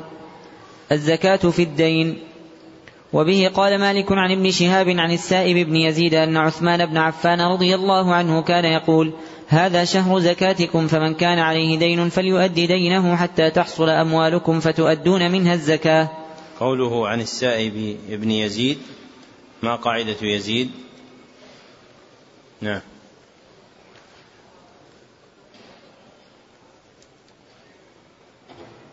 أحسنت. أنه في الموطأ إنما يكون بالياء التحتانية والزاي يزيد وليس فيه أحد اسمه بريد. أما خارجه ففي الرواة جماعة اسمهم بريد. من أشهرهم أبو بردة بريد بن عبد الله. نعم. أحسن الله إليكم. وبه قال مالك عن أيوب بن أبي تميمة السختياني أن عمر بن عبد العزيز كتب في مال قبضه بعض الولاة ظلما يأمر برده إلى أهله. وتؤخذ زكاته لما مضى من السنين ثم عقب بعد ذلك بكتاب ألا تؤخذ منه إلا زكاة واحدة فإنه إن كان ضمارا. وبه قال مالك عن يزيد بن خصيفة أنه سأل سليمان بن يسار عن رجل له مال وعليه دين مثله أعليه زكاة فقال لا. قوله أنه سأل سليمان ابن يسار قاعدة يسار. نعم. أحسنت. أن ما وقع على هذا الرسم في الموطأ فهو بالسين المهملة. تسبقه ياء تحتانية وليس فيه بشار بالموحدة والشين المعجمة. وقال الذهبي في هذا الاسم بشار نادر في. في التابعين معدوم في الصحابة. ذكره في كتاب مشتبه. نعم. أحسن الله إليكم. وبه قال مالك الأمر الذي لا اختلاف فيه عندنا في الدين أن صاحبه لا يزكيه حتى يقبضه وإن أقام عند وإن أقام عند الذي هو عليه سنين ذوات عدد ثم قبضه صاحبه لم تجب عليه إلا زكاة واحدة فإن قبض منه شيئا لا تجب فيه الزكاة فإنه إن كان له مال سوى الذي قبض تجب فيه الزكاة فإنه يزكى مع ما قبض من دينه ذلك.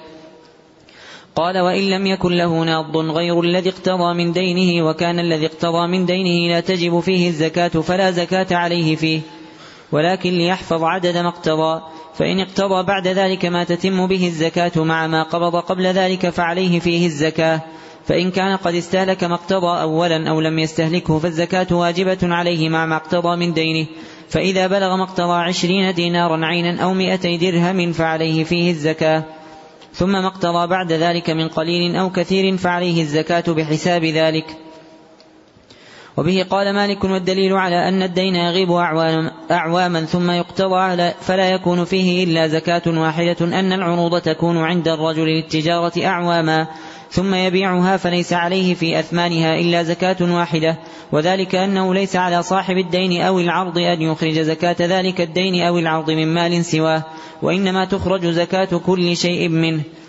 ولا تخرج الزكاة من شيء عن شيء غيره.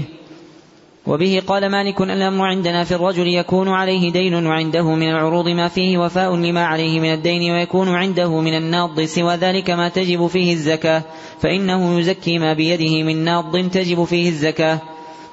قال مالك وإذا لم يكن عنده من العرض والنقد إلا وفاء دينه فلا زكاة عليه حتى يكون عنده من الناض فضل عن دينه ما تجب فيه الزكاة فعليه أن يزكيه.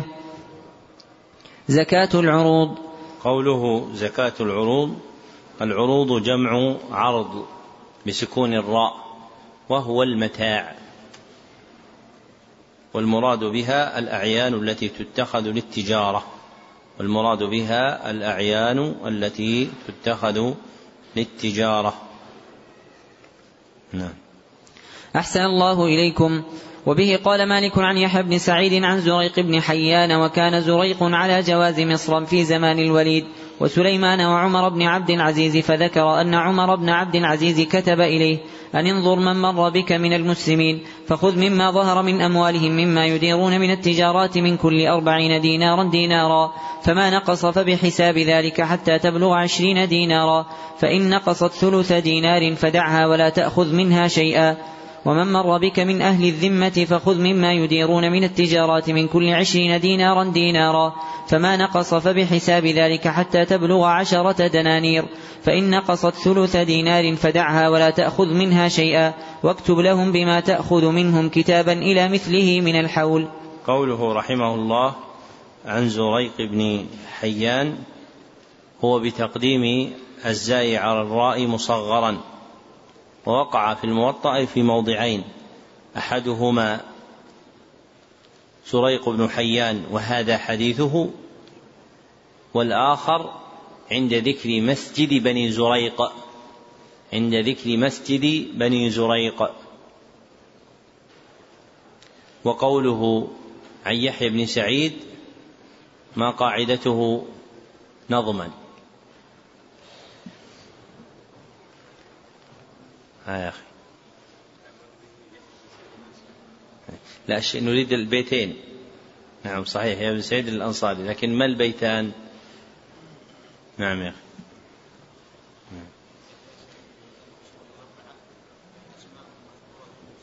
يحيى سعيد في الأصول أربعة.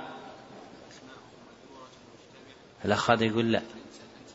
أنسابهم أنسابهم مذكورة مجتمعة. قطانهم تيميهم والأموي. اثنان والأنصار فيهم ينتمي. أحسن. نعم. أحسن الله إليكم. وبه قال مالك الأمر عندنا فيما يدار من العروض للتجارة أن الرجل إذا صدق ماله ثم اشترى به عرضا بزا أو رقيقا أو ما أشبه ذلك ثم باعه قبل أن يحول عليه الحول من يوم أخرج زكاته فإنه لا يؤدي من ذلك المال زكاة حتى يحول عليه الحول من يوم صدقه.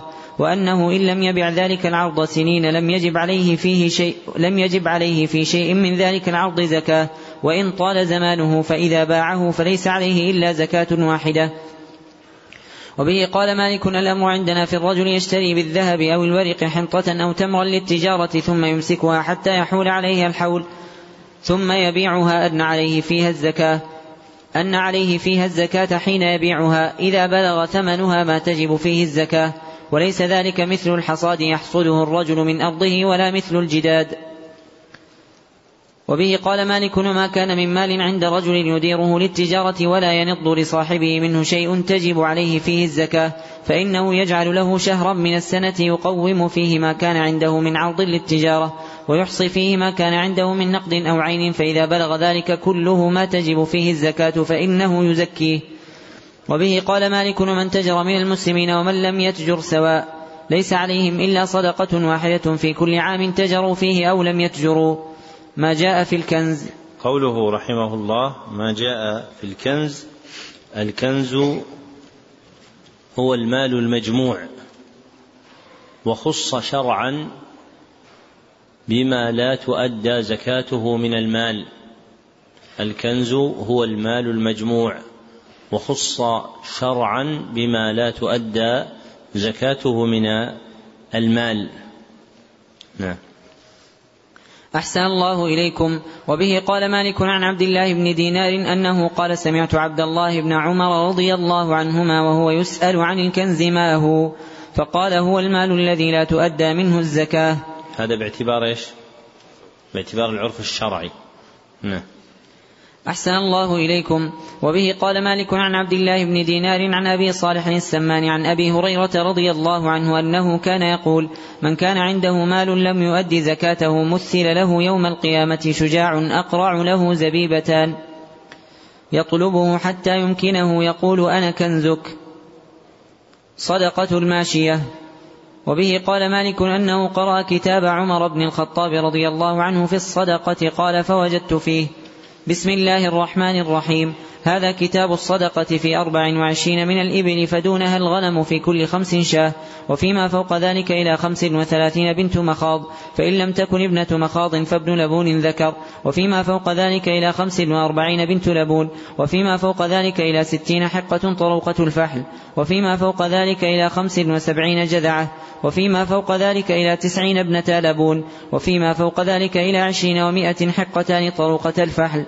فما زاد على ذلك من الإبل فما زاد على ذلك من الإبل ففي كل أربعين بنت لبون وفي كل خمسين حقة وفي سائمة الغنم إذا بلغت أربعين إلى عشرين ومائة شاة إلى عشرين ومائة شاة وفيما فوق ذلك إلى مائتين شاتان وفيما فوق ذلك إلى ثلاثمائة ثلاث شياه فما زاد على ذلك ففي كل مائة شاة ولا يخرج في الصدقة تيس ولا هرمة ولا ذات عوار إلا ما شاء المصدق ولا يجمع بين متفرق ولا يفرق بين مجتمع خشية الصدقة.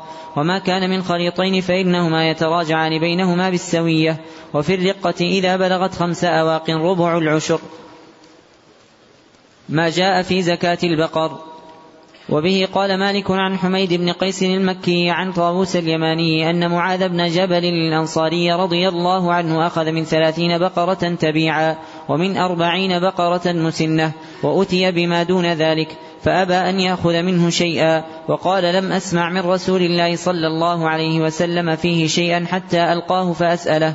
فتوفي رسول الله صلى الله عليه وسلم قبل أن يقدم معاذ بن جبل رضي الله عنه. قوله عن حميد ما قاعدته؟ نعم. أحسنت أنه لم يقع في أسماء الرواة في الصدر الأول إلا مصغرا بضم أوله. نعم. أحسن الله إليكم. وبه إلى يحيى قال قال مالك أحسن ما سمعت في من كانت له غنم على راعيين متفرقين أو على رعاء متفرقين في بلدان شتى. أن ذلك يجمع كله على صاحبه فيؤدي صدقته. ومثل ذلك الرجل يكون له الذهب أو الورق متفرقة في أيدي ناس شتى إنه ينبغي له أن يجمعها فيخرج منها ما وجب عليه في ذلك من زكاتها. وبه قال مالك في الرجل, في الرجل يكون له الضأن والمعز أنها تجمع عليه في الصدقة فإن كان فيها ما يجب فيه الصدقة صدقت. وقال إنما هي غنم كلها. وفي كتاب عمر بن الخطاب رضي الله عنه وفي سائمة الغنم إذا بلغت أربعين شاة.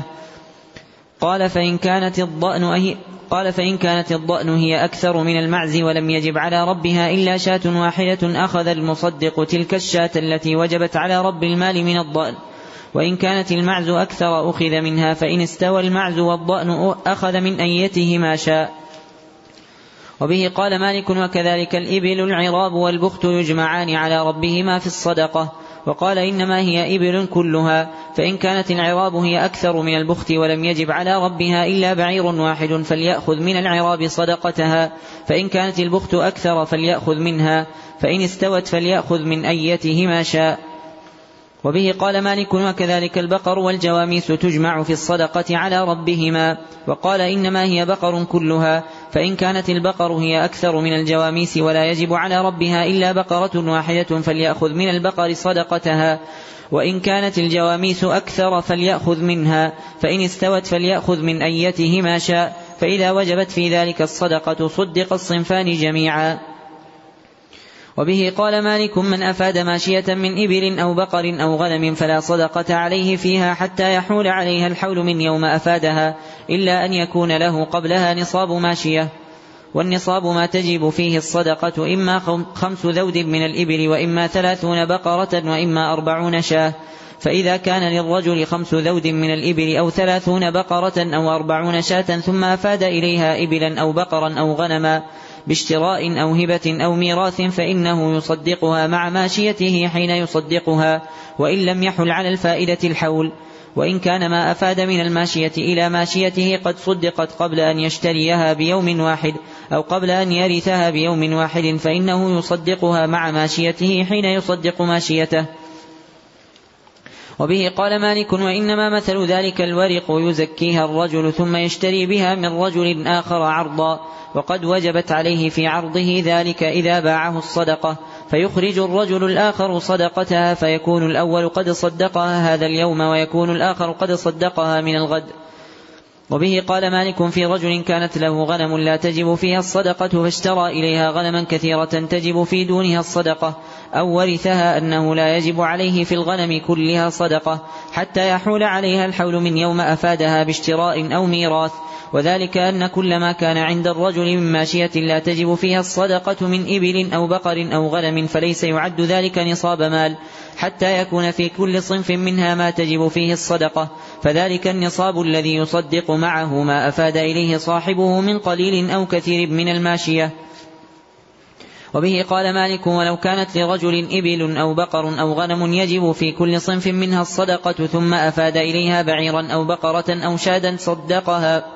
صدقها مع ماشيته حين يصدقها.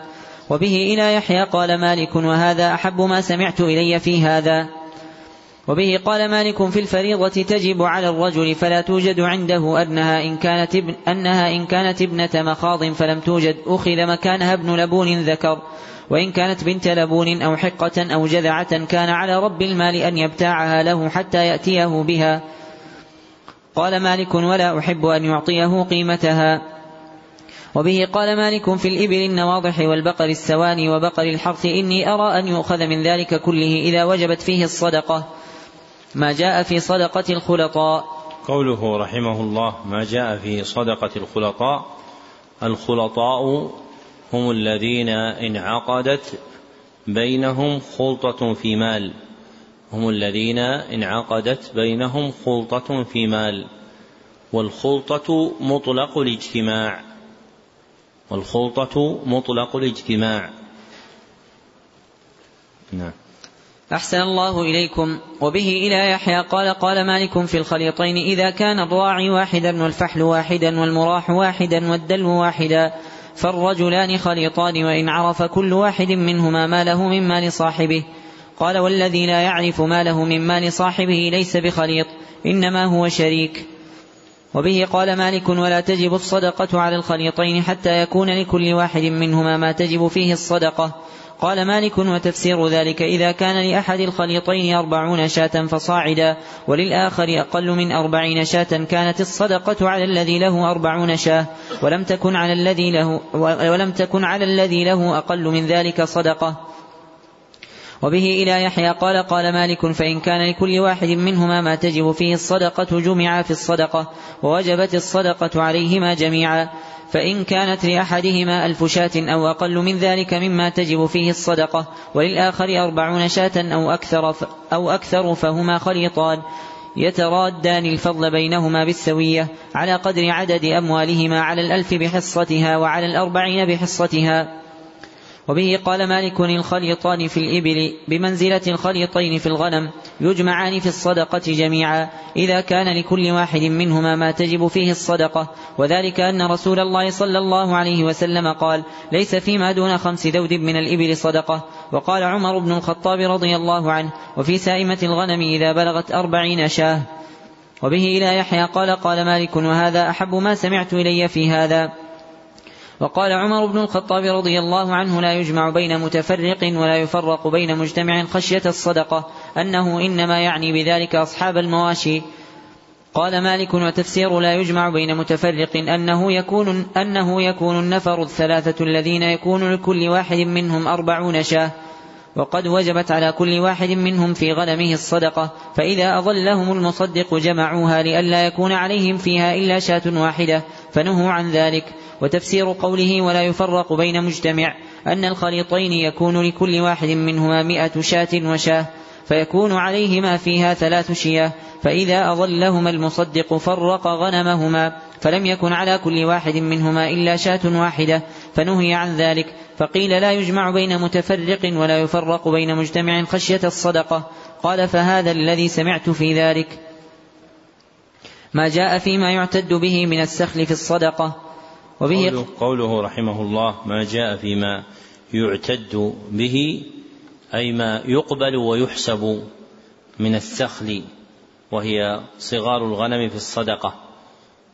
وقولهم اليوم يعتبر منزل يعتد مولد وليس فصيحا فإذا قيل في الكلام هذا مما يعتبر به فهو غلط وإنما يقال هذا مما يعتد به أي يعتمد عليه. نعم. أحسن الله إليكم. وبه قال مالك عن ثور بن وبه قال مالك عن ثور بن زيد الديلي عن ابن لعبد الله بن سفيان الثقفي عن جده سفيان بن عبد الله أن عمر بن الخطاب رضي الله عنه بعثه مصدقا فكان يعد على الناس بالسخل فقالوا أتعد علينا بالسخل ولا تأخذ منه شيئا فلما قدم على عمر بن الخطاب رضي الله عنه ذكر له ذلك فقال عمر بن الخطاب رضي الله عنه نعم نعد عليهم بالسخلة يحملها الراعي ولا نأخذها ولا نأخذ الأكولة ولا الربا ولا الماخض ولا فحل الغنم ونأخذ الجذعة والثنية وذلك عدل بين غذاء الغنم وخياره قال مالك والسخلة الصغيرة حين تنتج والربة التي قد وضعت فهي تربي ولدها والماخض هي الحامل والأكولة هي شاة اللحم التي تسمن لتؤكل. عندما نقول إنه لا يعتمد عليه في العربية نقصد عند القدامى. أما عند المجامع المتأخرة فبعض هذه الكلمات التي قد نذكرها قد وسعوا القول فيها وهو من وهن العربية عندهم. حتى صححوا جملة من الكلمات بحجة أنها صارت شائعة مثل كلمة الاهتمام. فإن كلمة الاهتمام لا تعرفها العرب على هذا المعنى وإنما تعرف العرب في مقامها العناية والرعاية ونظائرها. وينبغي أن يجود الإنسان لغته بالنظر في كتب المتقدمين. وهذا ليس في العربية فقط بل في العلم كله. وقد ذكر الشاطبي من شرط أخذ العلم عن الكتب أن تكون تلك الكتب من كتب المتقدمين لأن العلم فيها أوفر وأكثر وهو أسلم من الدغل والدخل الذي مازج علوم المتأخرين. نعم. أحسن الله إليكم. وبه قال مالك في الرجل يكون له الغنم لا تجب فيها الصدقة فتولد قبل أن يأتيها المصدق بيوم واحد فتبلغ ما تجب فيه الصدقة بولادتها. قال مالك إذا بلغت الغنم بأولادها ما تجب فيه الصدقة فعليه فيها الصدقة.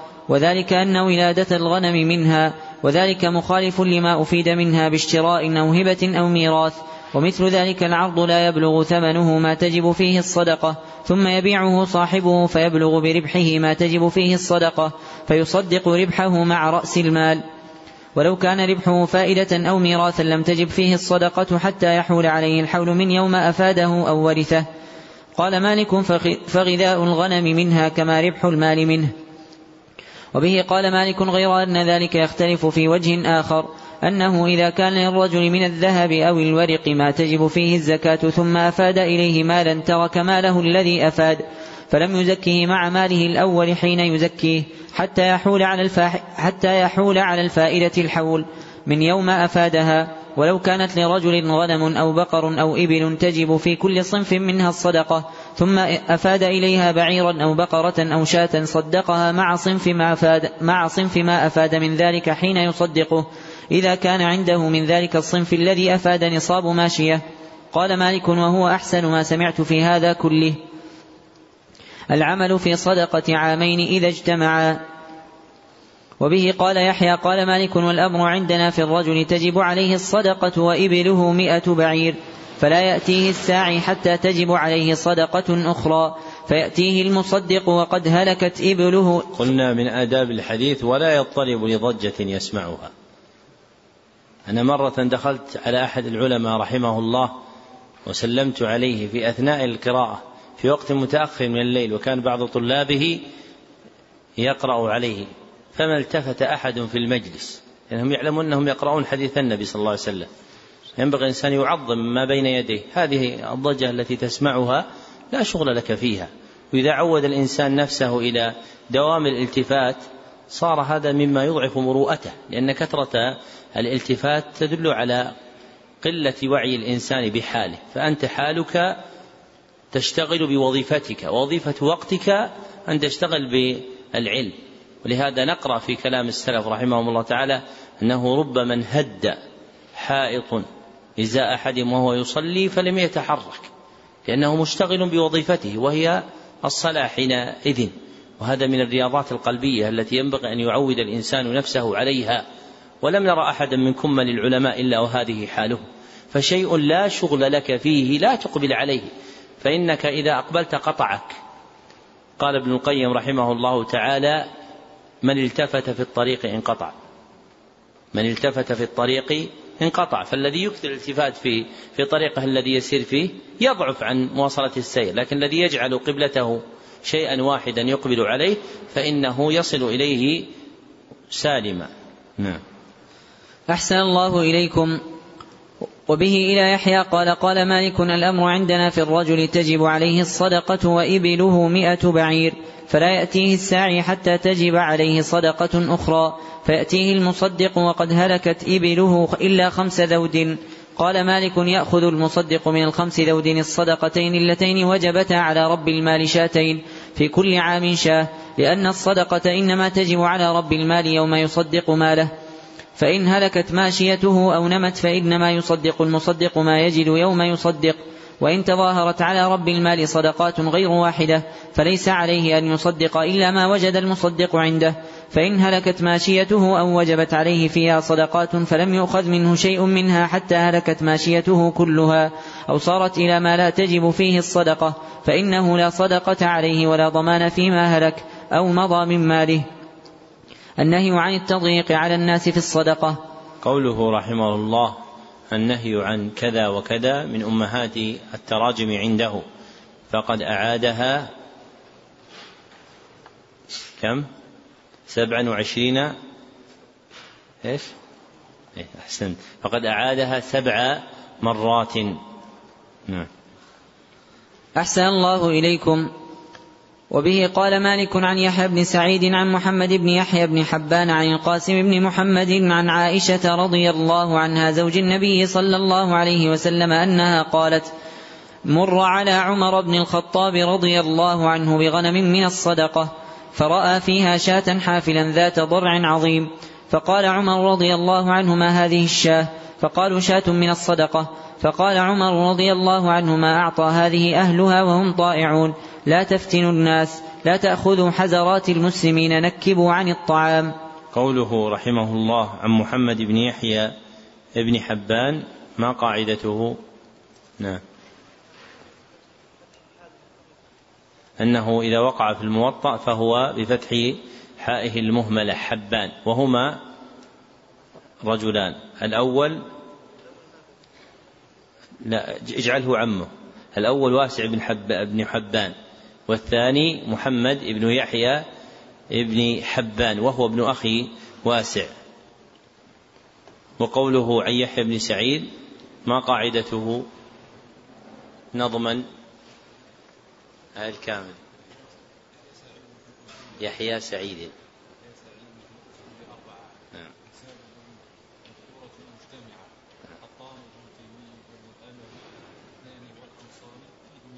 أحسنت. نعم. أحسن الله إليكم. وبه قال مالك عن يحيى بن سعيد عن محمد بن يحيى بن حبان أنه قال أخبرني رجلان من أشجع أن محمد بن مسلمة الأنصاري كان يأتيهم مصدقا فيقول لرب المال أخرج إلي صدقة مالك. فلا يقود إليه شاة فيها وفاء من حقه إلا قبلها.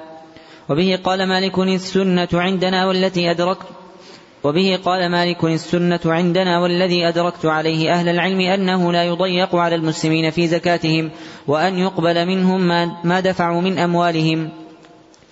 أخذ الصدقة ومن يجوز له أخذها.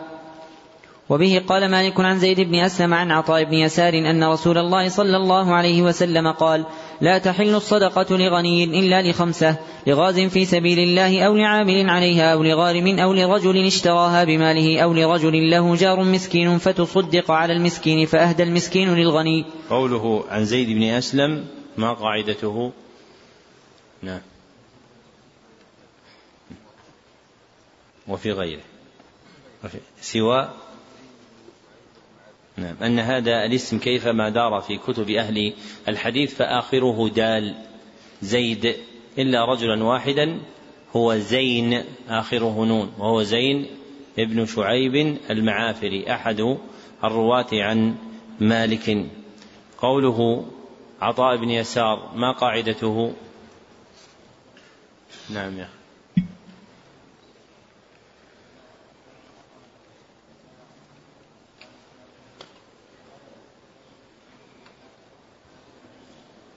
أحسنت أن هذا الاسم حيث وقع فهو يسار بالمهملة وقبله ياء تحتانية وليس في الموطأ بشار بالمعجمة والباء الموحدة. نعم. أحسن الله إليكم. وبه قال مالك الأمر عندنا في قسم الصدقات أن ذلك لا يكون إلا على وجه الاجتهاد من الوالي. فأي الأصناف كانت فيه الحاجة والعدد أوثر ذلك الصنف بقدر ما يرى الوالي.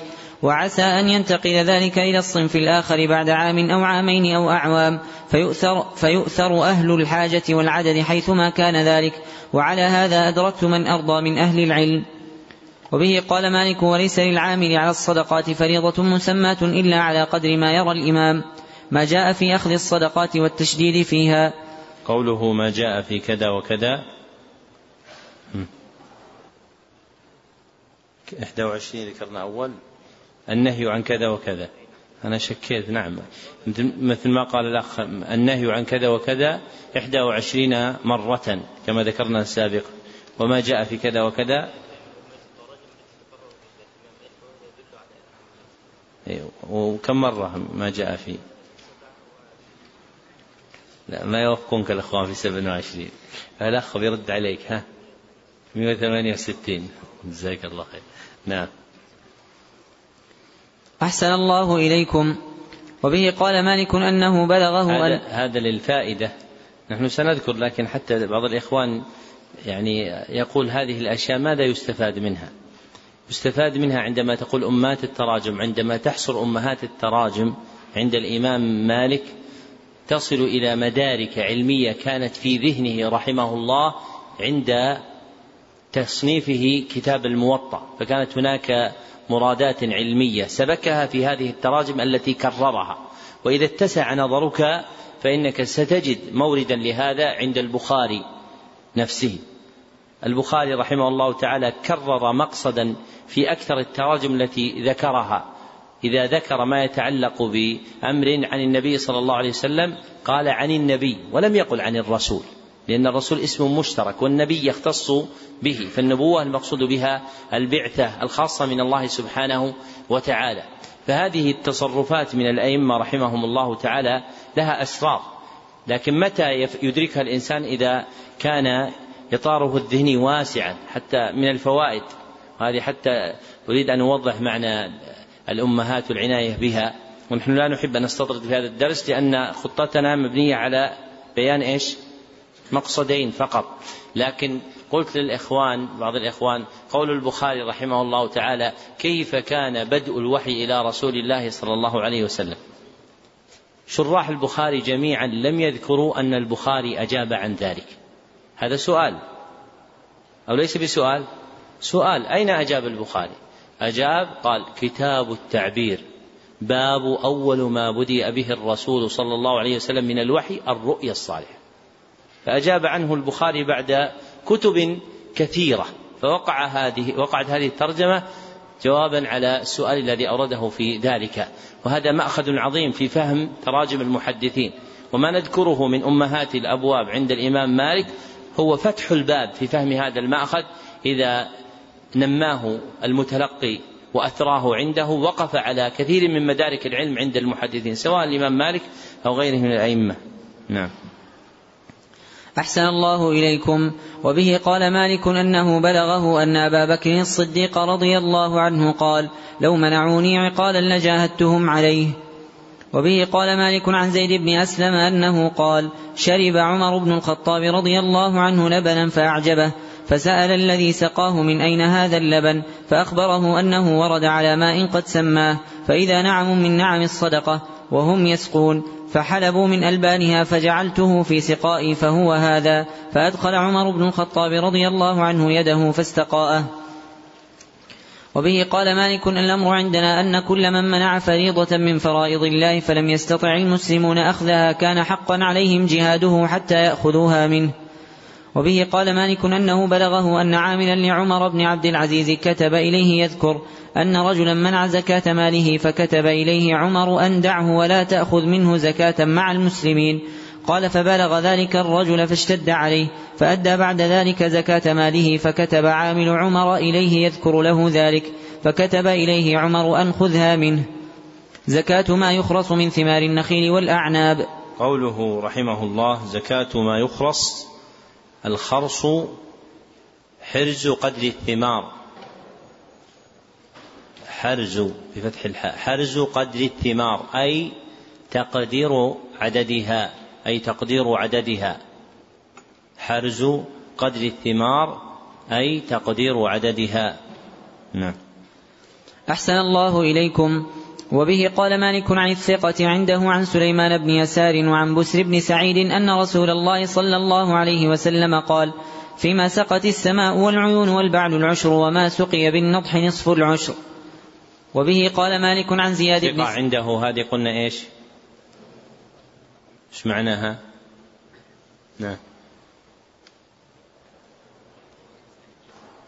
أحسنت أنه مبهم على التعديل يعني لم يسمى وعدل وحكمه الرد على الصحيح. من قال أخبرني الثقة فهو ثقة بحسب خبره لكن بحسب نقد الناقد من أئمة الرواية لا يطلع على حاله فيطرح حينئذ لأجل إبهامه وعدم الاطلاع عليه.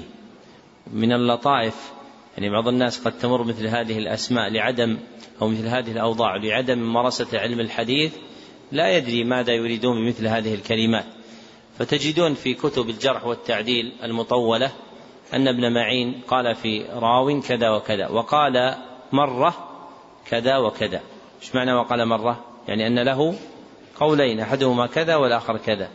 يذكر لي أحد المشايخ من الذين يدرسون في الدراسات العليا أن طالبا عنده في الدكتوراه يقول أن أنني تعرفون يترجم للمذكورين فيقول ابن معين وجدت له ترجمة لكن مرة هذا ما وجدت له ترجمة مرة يقول مرة هذا ما وجدت له ترجمة.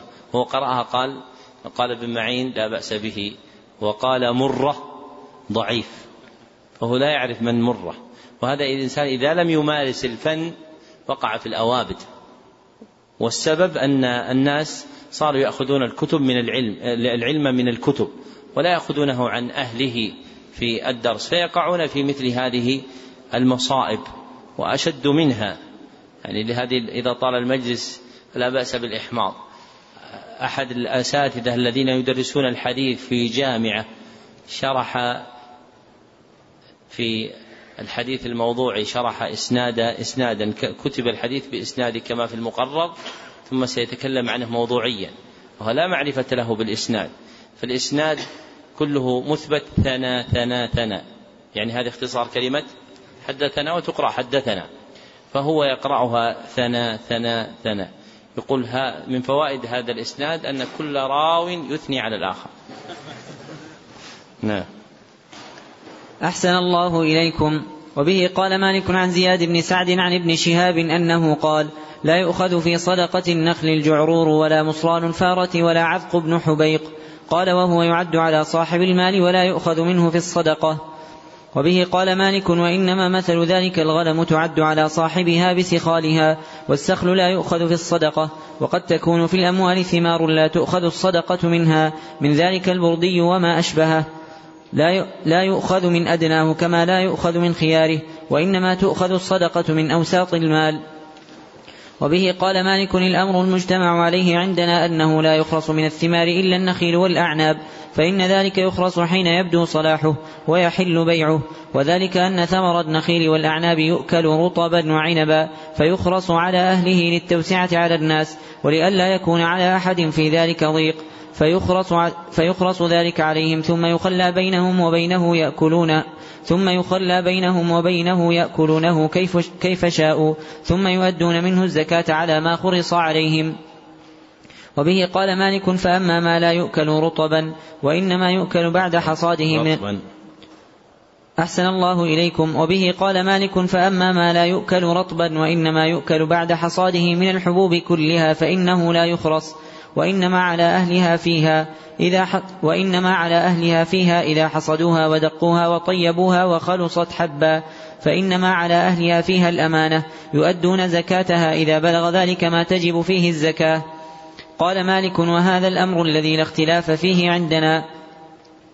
وبه قال مالك الأمر المجتمع عليه عندنا أن النخيل أن النخيل تخرص على أهلها وثمرها في رؤوسها إذا طاب وحل بيعه ويؤخذ منه صدقته تمرا عند الجداد. فإن أصابت الثمرة جائحة بعد أن تخرص على أهلها أو قبل أن تجد. فأحاطت الجائحة بالثمر كله فليس عليهم صدقة. فإن بقي من الثمر شيء يبلغ خمسة أوسق فصاعدا بصاع النبي صلى الله عليه وسلم. أخذ منهم زكاته وليس عليهم فيما أصابت الجائحة زكاة. قال مالك وكذلك العمل في الكرم أيضا. وبه إلى يحيى قال قال مالك وإذا كانت لرجل قطع أموال متفرقة أو إشراك في أموال متفرقة لا يبلغ مال كل شريك منهم أو قطاعته ما يجب فيه الزكاة وكانت إذا جمع بعض ذلك إلى بعض تبلغ ما يجب فيه الزكاة فإنه يجمعها ويؤدي زكاتها. زكاة الحبوب والزيتون. لحظة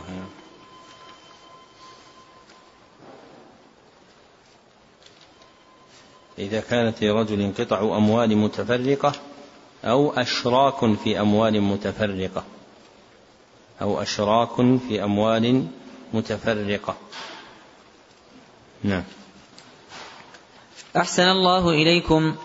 زكاة الحبوب والزيتون. وبه قال مالك أنه سأل ابن شهاب عن الزيتون فقال فيه العشر. وبه قال مالك وإنما يؤخذ من الزيتون العشر بعد أن يعصر ويبلغ زيتونه خمسة أوسق. فما لم يبلغ زيتونه خمسة أوسق فلا زكاة فيه. وبه قال مالك والزيتون بمنزلة النخيل ما كان منه سقته السماء والعيون أو كان بعلا ففيه العشر. وما كان يسقى بالنضح ففيه نصف العشر. ولا يخرص شيء من الزيتون في شجره. وبه قال مالك والسنة عندنا في الحبوب التي يدخرها الناس ويأكلونها أنه تؤخذ مما سقت السماء من ذلك والعيون. وما, وما كان بعد للعشر. وما سقي بالنضح نصف العشر إذا بلغ ذلك خمسة أوسق بالصاع الأول صاع رسول الله صلى الله عليه وسلم. وما زاد على خمسة أوسق ففيه الزكاة بحساب ذلك. وبه قال مالك الحبوب التي فيها الزكاة الحنطة والشعير والسلت والذرة والدخن والأرز والعدس والجلبان واللوبيا والجل والجلجان وما أشبه ذلك من الحبوب التي تصير طعاما فالزكاة تؤخذ منها كلها بعد أن تحصد وتصير حبا. قال والناس مصدقون في ذلك ويقبل منهم في ذلك ما رفعوا. وبه إلى يحيى قال سئل مالك متى يخرج من الزيتون العشر أقبل النفقة أم بعدها؟ فقال لا ينظر إلى النفقة ولكن يسأل عنه أهله كما يسأل أهل الطعام عن الطعام. ويصدقون بما قالوا. فمن رفع من زيتونه خمسة أوسق فصاعدا أخذ من زيته العشر بعد أن يعصر. ومن لم يرفع من زيتونه خمسة أوسق لم تجب عليه في زيته الزكاة. متى يخرج من الزيتون العشر؟ أصلحوها. في السؤال. سئل مالك متى يخرج من الزيتون العشر؟ أحسن الله إليكم. وبه قال مالك ومن باع زرعه وقد صلح ويبس في أكمامه فعليه زكاته وليس على الذي اشتراه زكاة. وبه قال مالك لا يصلح بيع الزرع حتى ييبس في أكمامه ويستغني بالماء ويستغني عن الماء. وبه قال مالك في قول الله ت... وبه قال مالك في قول الله تبارك وتعالى وآتوا حقه يوم حصاده أن ذلك الزكاة والله أعلم وقد سمعت من يقول ذلك. وبه قال مالك ومن باع أصل حائطه أو أرضه ومن باع أصل حائطه أو أرضه وفي ذلك زرع أو ثمر لم يبد صلاحه فزكاة, فزكاة ذلك على المبتاع. وإن كان قد طاب وحل بيعه فزكاة ذلك على الثمر أو الزرع على البائع. فزكاة ذلك الثمر أو الزرع على البائع إلا أن يشترطه البائع على المبتاع. ما لا زكاة فيه من الثمار. وبه قال مالك إن الرجل إذا كان له ما يجد منه أربعة أوسق من التمر أو ما يقطف منه أربعة أوسق من الزبيب وما يحصد منه أربعة أوسق من الحنطة وما يحصد منه أربعة أوسق من القطنية إنه لا يجمع عليه بعض ذلك إلى بعض وإنه ليس عليه في شيء من ذلك زكاة حتى يكون في الصنف الواحد من التمر أو في الزبيب أو في الحنطة أو في القطنية ما يبلغ الصنف الواحد منه خمسة أوسق بصاع النبي صلى الله عليه وسلم. كما قال رسول الله صلى الله عليه وسلم ليس فيما دون خمسة أوسق من التمر صدقة. وقال وإن كان في الصنف الواحد من تلك الأصناف ما يبلغ خمسة أوسق ففيه الزكاة فإن لم يبلغ خمسة أوسق فلا زكاة فيه. وبه قال مالك وتفسير ذلك أن يجد الرجل من التمر خمسة أوسق وإن اختلفت أسماؤه وألوانه فإنه يجمع بعضه إلى بعض ثم يؤخذ من ذلك الزكاة وإن لم يبلغها فلا زكاة فيه. وبه قال مالك وكذلك الحنطة كلها السمراء والبيضاء والشعير والسلت ذلك كله صنف واحد فإذا حصد الرجل من ذلك كله خمسة أوسق جمع عليه بعض ذلك إلى بعض ووجبت فيه الزكاة فإن لم تبلغ ذلك فلا زكاة فيه وبه قال مالك وكذلك الزبيب كله أسوده وأحمره فإذا قطف الرجل منه خمسة أوسق وجبت فيه الزكاة وإن لم يبلغ ذلك فلا زكاة فيه وبه قال مالك وكذلك القطنية هي صنف واحد مثل الحنطة والتمر والزبيب وإن اختلفت أسماؤها وألوانها والقطنية الحمص والعدس واللوبيا والجلبان وكل ما ثبتت معرفته عند الناس أنه قطنية. فإذا حصد الرجل من ذلك خمسة أوسق بالصاع الأول صاع النبي صلى الله عليه وسلم. وإن كان من أصناف القطنية كلها ليس من صنف واحد من القطنية فإنه يجمع ذلك بعضه إلى بعض وعليه فيه الزكاة. وبه قال مالك وقد فرق عمر بن الخطاب رضي الله عنه بين القطنية والحنطة فيما أخذ من النبط ورأى أن القطنية صنف واحد فأخذ منها العشر وأخذ من الحنطة والزيت نصف وأخذ من الحنطة والزيت نصف العشر. وبه قال مالك فإن قال قائل كيف تجمع القطنية بعضها إلى بعض في الزكاة حتى تكون صدقتها واحدة؟ والرجل يأخذ منها اثنين بواحد يدا بيد ولا يؤخذ من الحنطة اثنان بواحد يدا بيد. قيل له فإن الذهب والورق يجمعان في الصدقة وقد يؤخذ بالدينار أضعافه في العدد من الورق, من الورق يدا بيد. وبه قال مالك في النخل يكون بين الرجلين فيجدان منها ثمانية أوسق من التمر.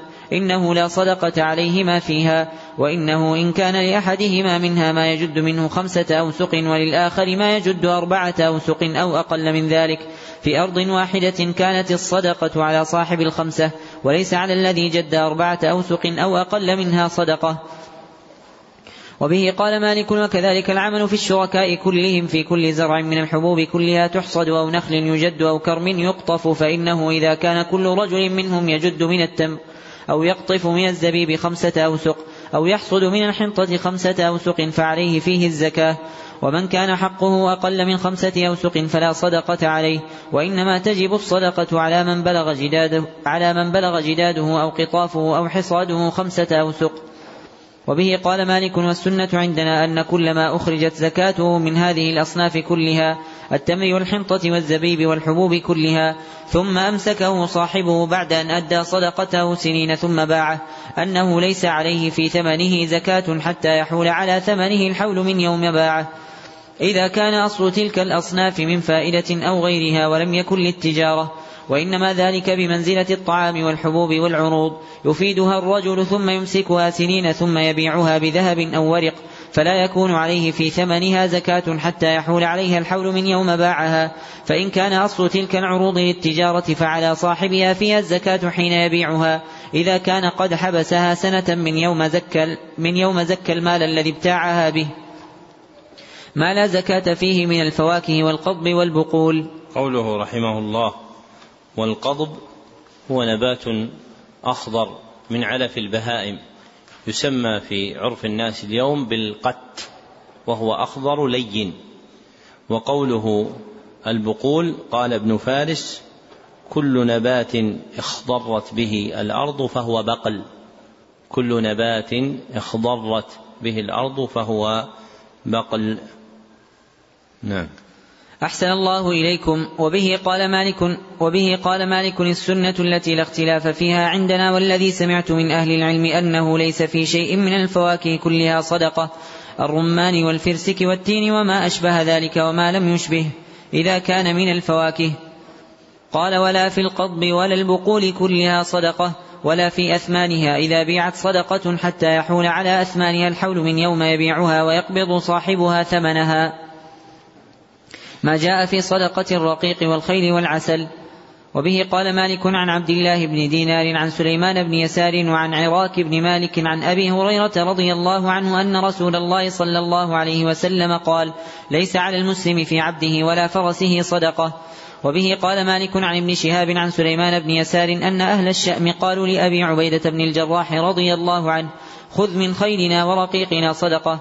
فأبى ثم كتب إلى عمر بن الخطاب رضي الله عنه فأبى عمر ثم كلموه أيضا فكتب إلى عمر رضي الله عنه فكتب إليه عمر إن أحبوا فخذها منهم وارددها عليهم وارزق رقيقهم. قال مالك معنى قوله رحمه الله وارددها عليهم يقول على فقرائهم. وبه قال مالك عن عبد الله بن أبي بكر بن حزم أنه قال جاء كتاب من عمر بن عبد العزيز إلى أبي وهو بمنى. ألا يأخذ من العسل ولا من الخيل صدقة. وبه قال مالك عن عبد الله بن دينار أنه قال سألت سعيد بن المسيب عن صدقة البراذين فقال وهل في الخيل من صدقة؟ جزية أهل الكتاب. وبه قال مالك عن ابن شهاب وبه قال مالك عن ابن شهاب قال بلغني أن رسول الله صلى الله عليه وسلم أخذ الجزية من مجوس البحرين وأن عمر بن الخطاب رضي الله عنه أخذها من مجوس فارس وأن عثمان بن عفان رضي الله عنه أخذها من البربر. وبه قال مالك عن جعفر بن محمد بن علي عن أبيه أن عمر بن الخطاب رضي الله عنه ذكر المجوس فقال ما أدري كيف أصنع في أبنهم؟ فقال عبد الرحمن بن عوف أشهد لسمعت رسول الله صلى الله عليه وسلم يقول سنوا بهم سنة أهل الكتاب. وبه قال مالك عن نافع أن أسلم مولى عمر بن الخطاب رضي الله عنه أن عمر بن الخطاب رضي الله عنه ضرب الجزية على أهل الذهب أربعة دنانير وعلى أهل الورق أربعين درهما. مع ذلك أرزاق وعلى أهل الورق أربعين درهما. مع ذلك أرزاق المسلمين وضيافة ثلاثة أيام. وبه قال مالك عن زيد بن أسلم عن أبيه أنه قال لعمر بن الخطاب رضي الله عنه إن في الظهر ناقة عمياء فقال عمر رضي الله عنه ادفعها إلى أهل بيت ينتفعون بها. قال فقلت وهي عمياء قال يقطرونها بالإبل. قال فقلت كيف تأكل من الأرض؟ قال فقال عمر رضي الله عنه أمن نعم الجزية هي أم من نعم الصدقة؟ فقلت بل من نعم الجزية.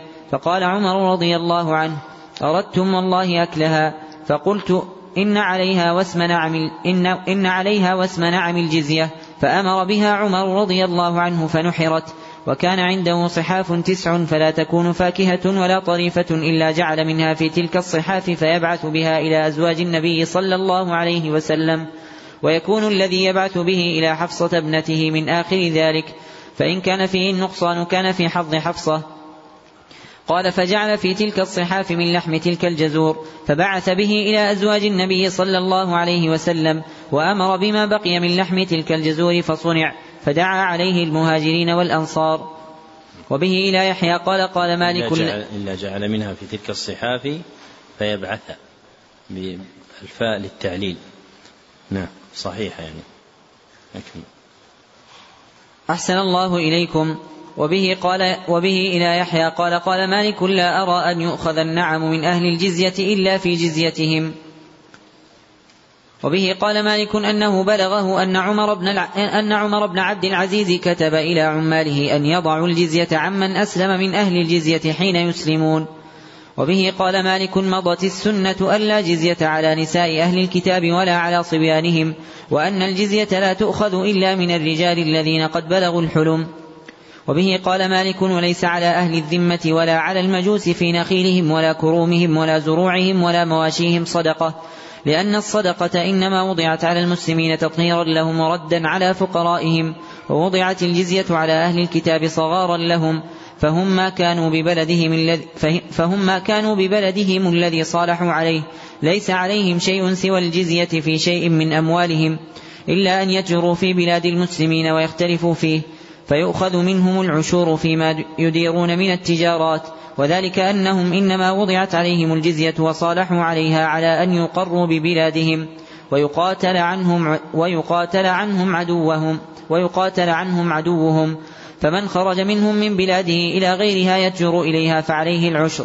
من تجر منهم من أهل مصر إلى الشأم ومن أهل الشأم إلى العراق ومن أهل العراق إلى المدينة أو اليمن أو ما أشبه هذا من البلاد فعليه العشر. ولا صدقة على أهل الكتاب ولا المجوس في شيء من مواشيهم ولا ثمارهم ولا زروعهم. مضت بذلك السنة ويقرون على دينهم ويكونون على ما كانوا عليه. وإن اختلفوا في العام الواحد مرارا إلى بلاد المسلمين فعليهم كلما اختلفوا العشر لأن ذلك ليس مما صالحوا عليه ولا مما شرط لهم وهذا الذي أدركت عليه أهل العلم ببلدنا. عشور أهل الذمة. قوله رحمه الله عشور أهل الذمة جمع عشر وهو ما يؤخذ منهم لتجارة أو نحوها. نعم. أحسن الله إليكم. وبه قال مالك عن ابن شهاب عن سالم بن عبد الله عن أبيه أن عمر بن الخطاب رضي الله عنه كان يأخذ من النبط من الحنطة والزيت نصف العشر يريد بذلك أن يكثر الحمل إلى المدينة ويأخذ من القطنية العشر. وبه قال مالك عن ابن شهاب عن السائب بن يزيد أنه قال كنت عاملا مع عبد الله بن عتبة بن مسعود على سوق المدينة في زمان عمر بن الخطاب رضي الله عنه فكنا نأخذ من النبط العشر. وبه قال مالك أنه سال ابن شهاب على أي وجه كان يأخذ من النبط العشر فقال ابن شهاب كان ذلك يؤخذ منهم في الجاهلية فألزمهم ذلك عمر رضي الله عنه. اشتراء الصدقة والعود فيها. وبه قال مالك عن زيد بن أسلم عن أبيه أنه قال سمعت عمر بن الخطاب رضي الله عنه وهو يقول حملت على فرس عتيق في سبيل الله وكان الرجل الذي هو عنده قد أضاعه فأردت أن أشتريه منه وظننت أنه بائعه برخص. قال فسألت عن ذلك رسول الله صلى الله عليه وسلم فقال لا تشتره وإن أعطاكه بدرهم واحد فإن العائد في صدقته كالكلب يعود في قيئه. وبه قال مالك عن نافع عن عبد الله بن عمر رضي الله عنهما أن عمر بن الخطاب رضي الله عنه حمل على فرس في سبيل الله فأراد أن يبتاعه فسأل عن ذلك رسول الله صلى الله عليه وسلم فقال لا تبتعه ولا تعد في صدقتك. وبه إلى يحيى قال سئل مالك عن رجل تصدق بصدقة فوجدها مع غير الذي تصدق بها عليه تباع أيشتريها فقال تركها أحب إلي. من تجب عليه زكاة الفطر. وبه قال مالك عن نافع أن عبد الله بن عمر رضي الله عنهما كان يخرج زكاة الفطر عن غلمانه الذين بوادي القرى وبخيبر. وبه قال مالك أن أحسن ما سمع فيما يجب على الرجل من زكاة الفطر أن الرجل يؤدي ذلك عن كل من يضمن نفقته ولا بد له من أن وبه قال مالك إن أحسن. أحسن الله إليكم. وبه قال مالك إن أحسن ما سمع فيما يجب على الرجل من زكاة الفطر أن الرجل يؤدي ذلك عن كل من يضمن نفقته ولا بد له من أن ينفق عليه. والرجل يؤدي عن مكاتبه ومدبره ورقيقه كلها غائبهم وشاهدهم من كان منهم مسلما ومن كان, من ومن كان منهم لتجارة أو لغير تجارة ومن لم يكن منهم مسلما فلا زكاة عليه فيه. وبه إلى يحيى قال قال مالك في العبد الآبق إن, سيد إن سيده إن علم مكانه أو لم يعلم وكانت غيبته قريبة وهو ترجى حياته ورجعته فإني أرى أن يزكي عنه وإن كان إباقه قد طال ويأس منه وإن كان إباقه قد طال ويؤس منه فلا أرى أن يزكي عنه. وبه قال مالك تجب زكاة الفطر على أهل البادية كما تجب على أهل القرى. وذلك أن رسول الله صلى الله عليه وسلم فرض زكاة الفطر من رمضان على الناس على كل حر أو عبد ذكر أو أنثى من المسلمين. مكيلة زكاة الفطر. قوله رحمه الله مكيلة زكاة الفطر أي قدرها كيلا. أي قدرها كيلا. نعم. أحسن الله إليكم. وبه قال مالك عن نافع عن عبد الله بن عمر رضي الله عنهما أن رسول الله صلى الله عليه وسلم فرض زكاة الفطر على الناس من رمضان صاعا من تمر أو صاعا من شعير على كل حر أو عبد ذكر أو أنثى من المسلمين. وبه قال مالك عن زيد بن أسلم عن عياض بن عبد الله بن سعد بن أبي سرح العامري أن وبه قال مالك عن زيد بن أسلم عن عياض بن عبد الله بن سعد بن أبي سرح العامري أنه سمع أبا سعيد الخدري رضي الله عنه يقول كنا نخرج زكاة الفطر صاعا من طعام أو صاعا من شعير أو صاعا من تمر أو صاعا من أقط أو صاعا من زبيب وذلك بصاع النبي صلى الله عليه وسلم. وبه قال مالك عن نافع أن عبد الله بن عمر رضي الله عنهما كان لا يخرج في زكاة الفطر إلا التمر إلا مرة واحدة فإنه أخرج شعيرا. وبه قال مالك والكفارات كلها وزكاة الفطر وزكاة العشور كل ذلك بالمد الأصغر مد النبي صلى الله عليه وسلم إلا الظهار فإن الكفارة فيه بمد هشام وهو المد الأعظم. وقت إرسال زكاة الفطر. وبه قال مالك عن نافع أن عبد الله بن عمر رضي الله عنهما كان يبعث بزكاة الفطر إلى الذي تجمع عنده قبل الفطر بيومين أو ثلاثة.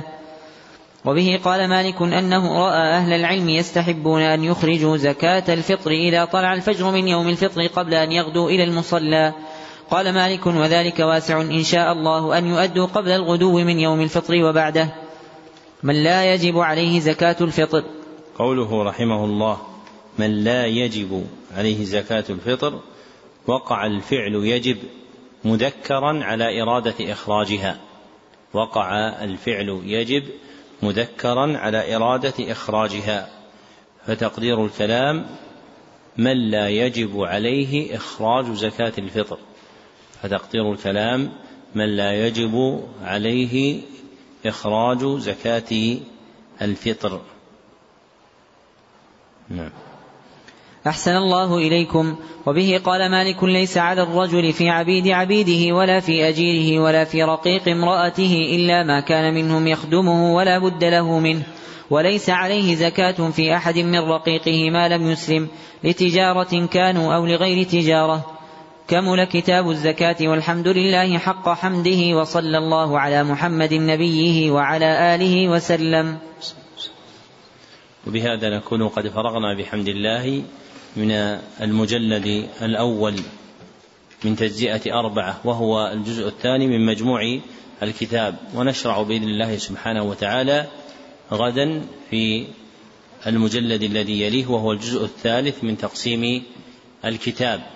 وأود أن أنبه إلى أننا هذه الليلة في درس التفسير سنراجع ما ألقيته عليكم من المعلومات فليس المقصود فقط أن تسمعوا لكن المقصود أن تعوا ما يلقى إليكم. فاجتهدوا في مذاكرة ما مر بكم من المسائل التي تتعلق بدرس التفسير. والحمد لله رب العالمين صلى الله وسلم على عبده ورسوله محمد وآله وصحبه أجمعين.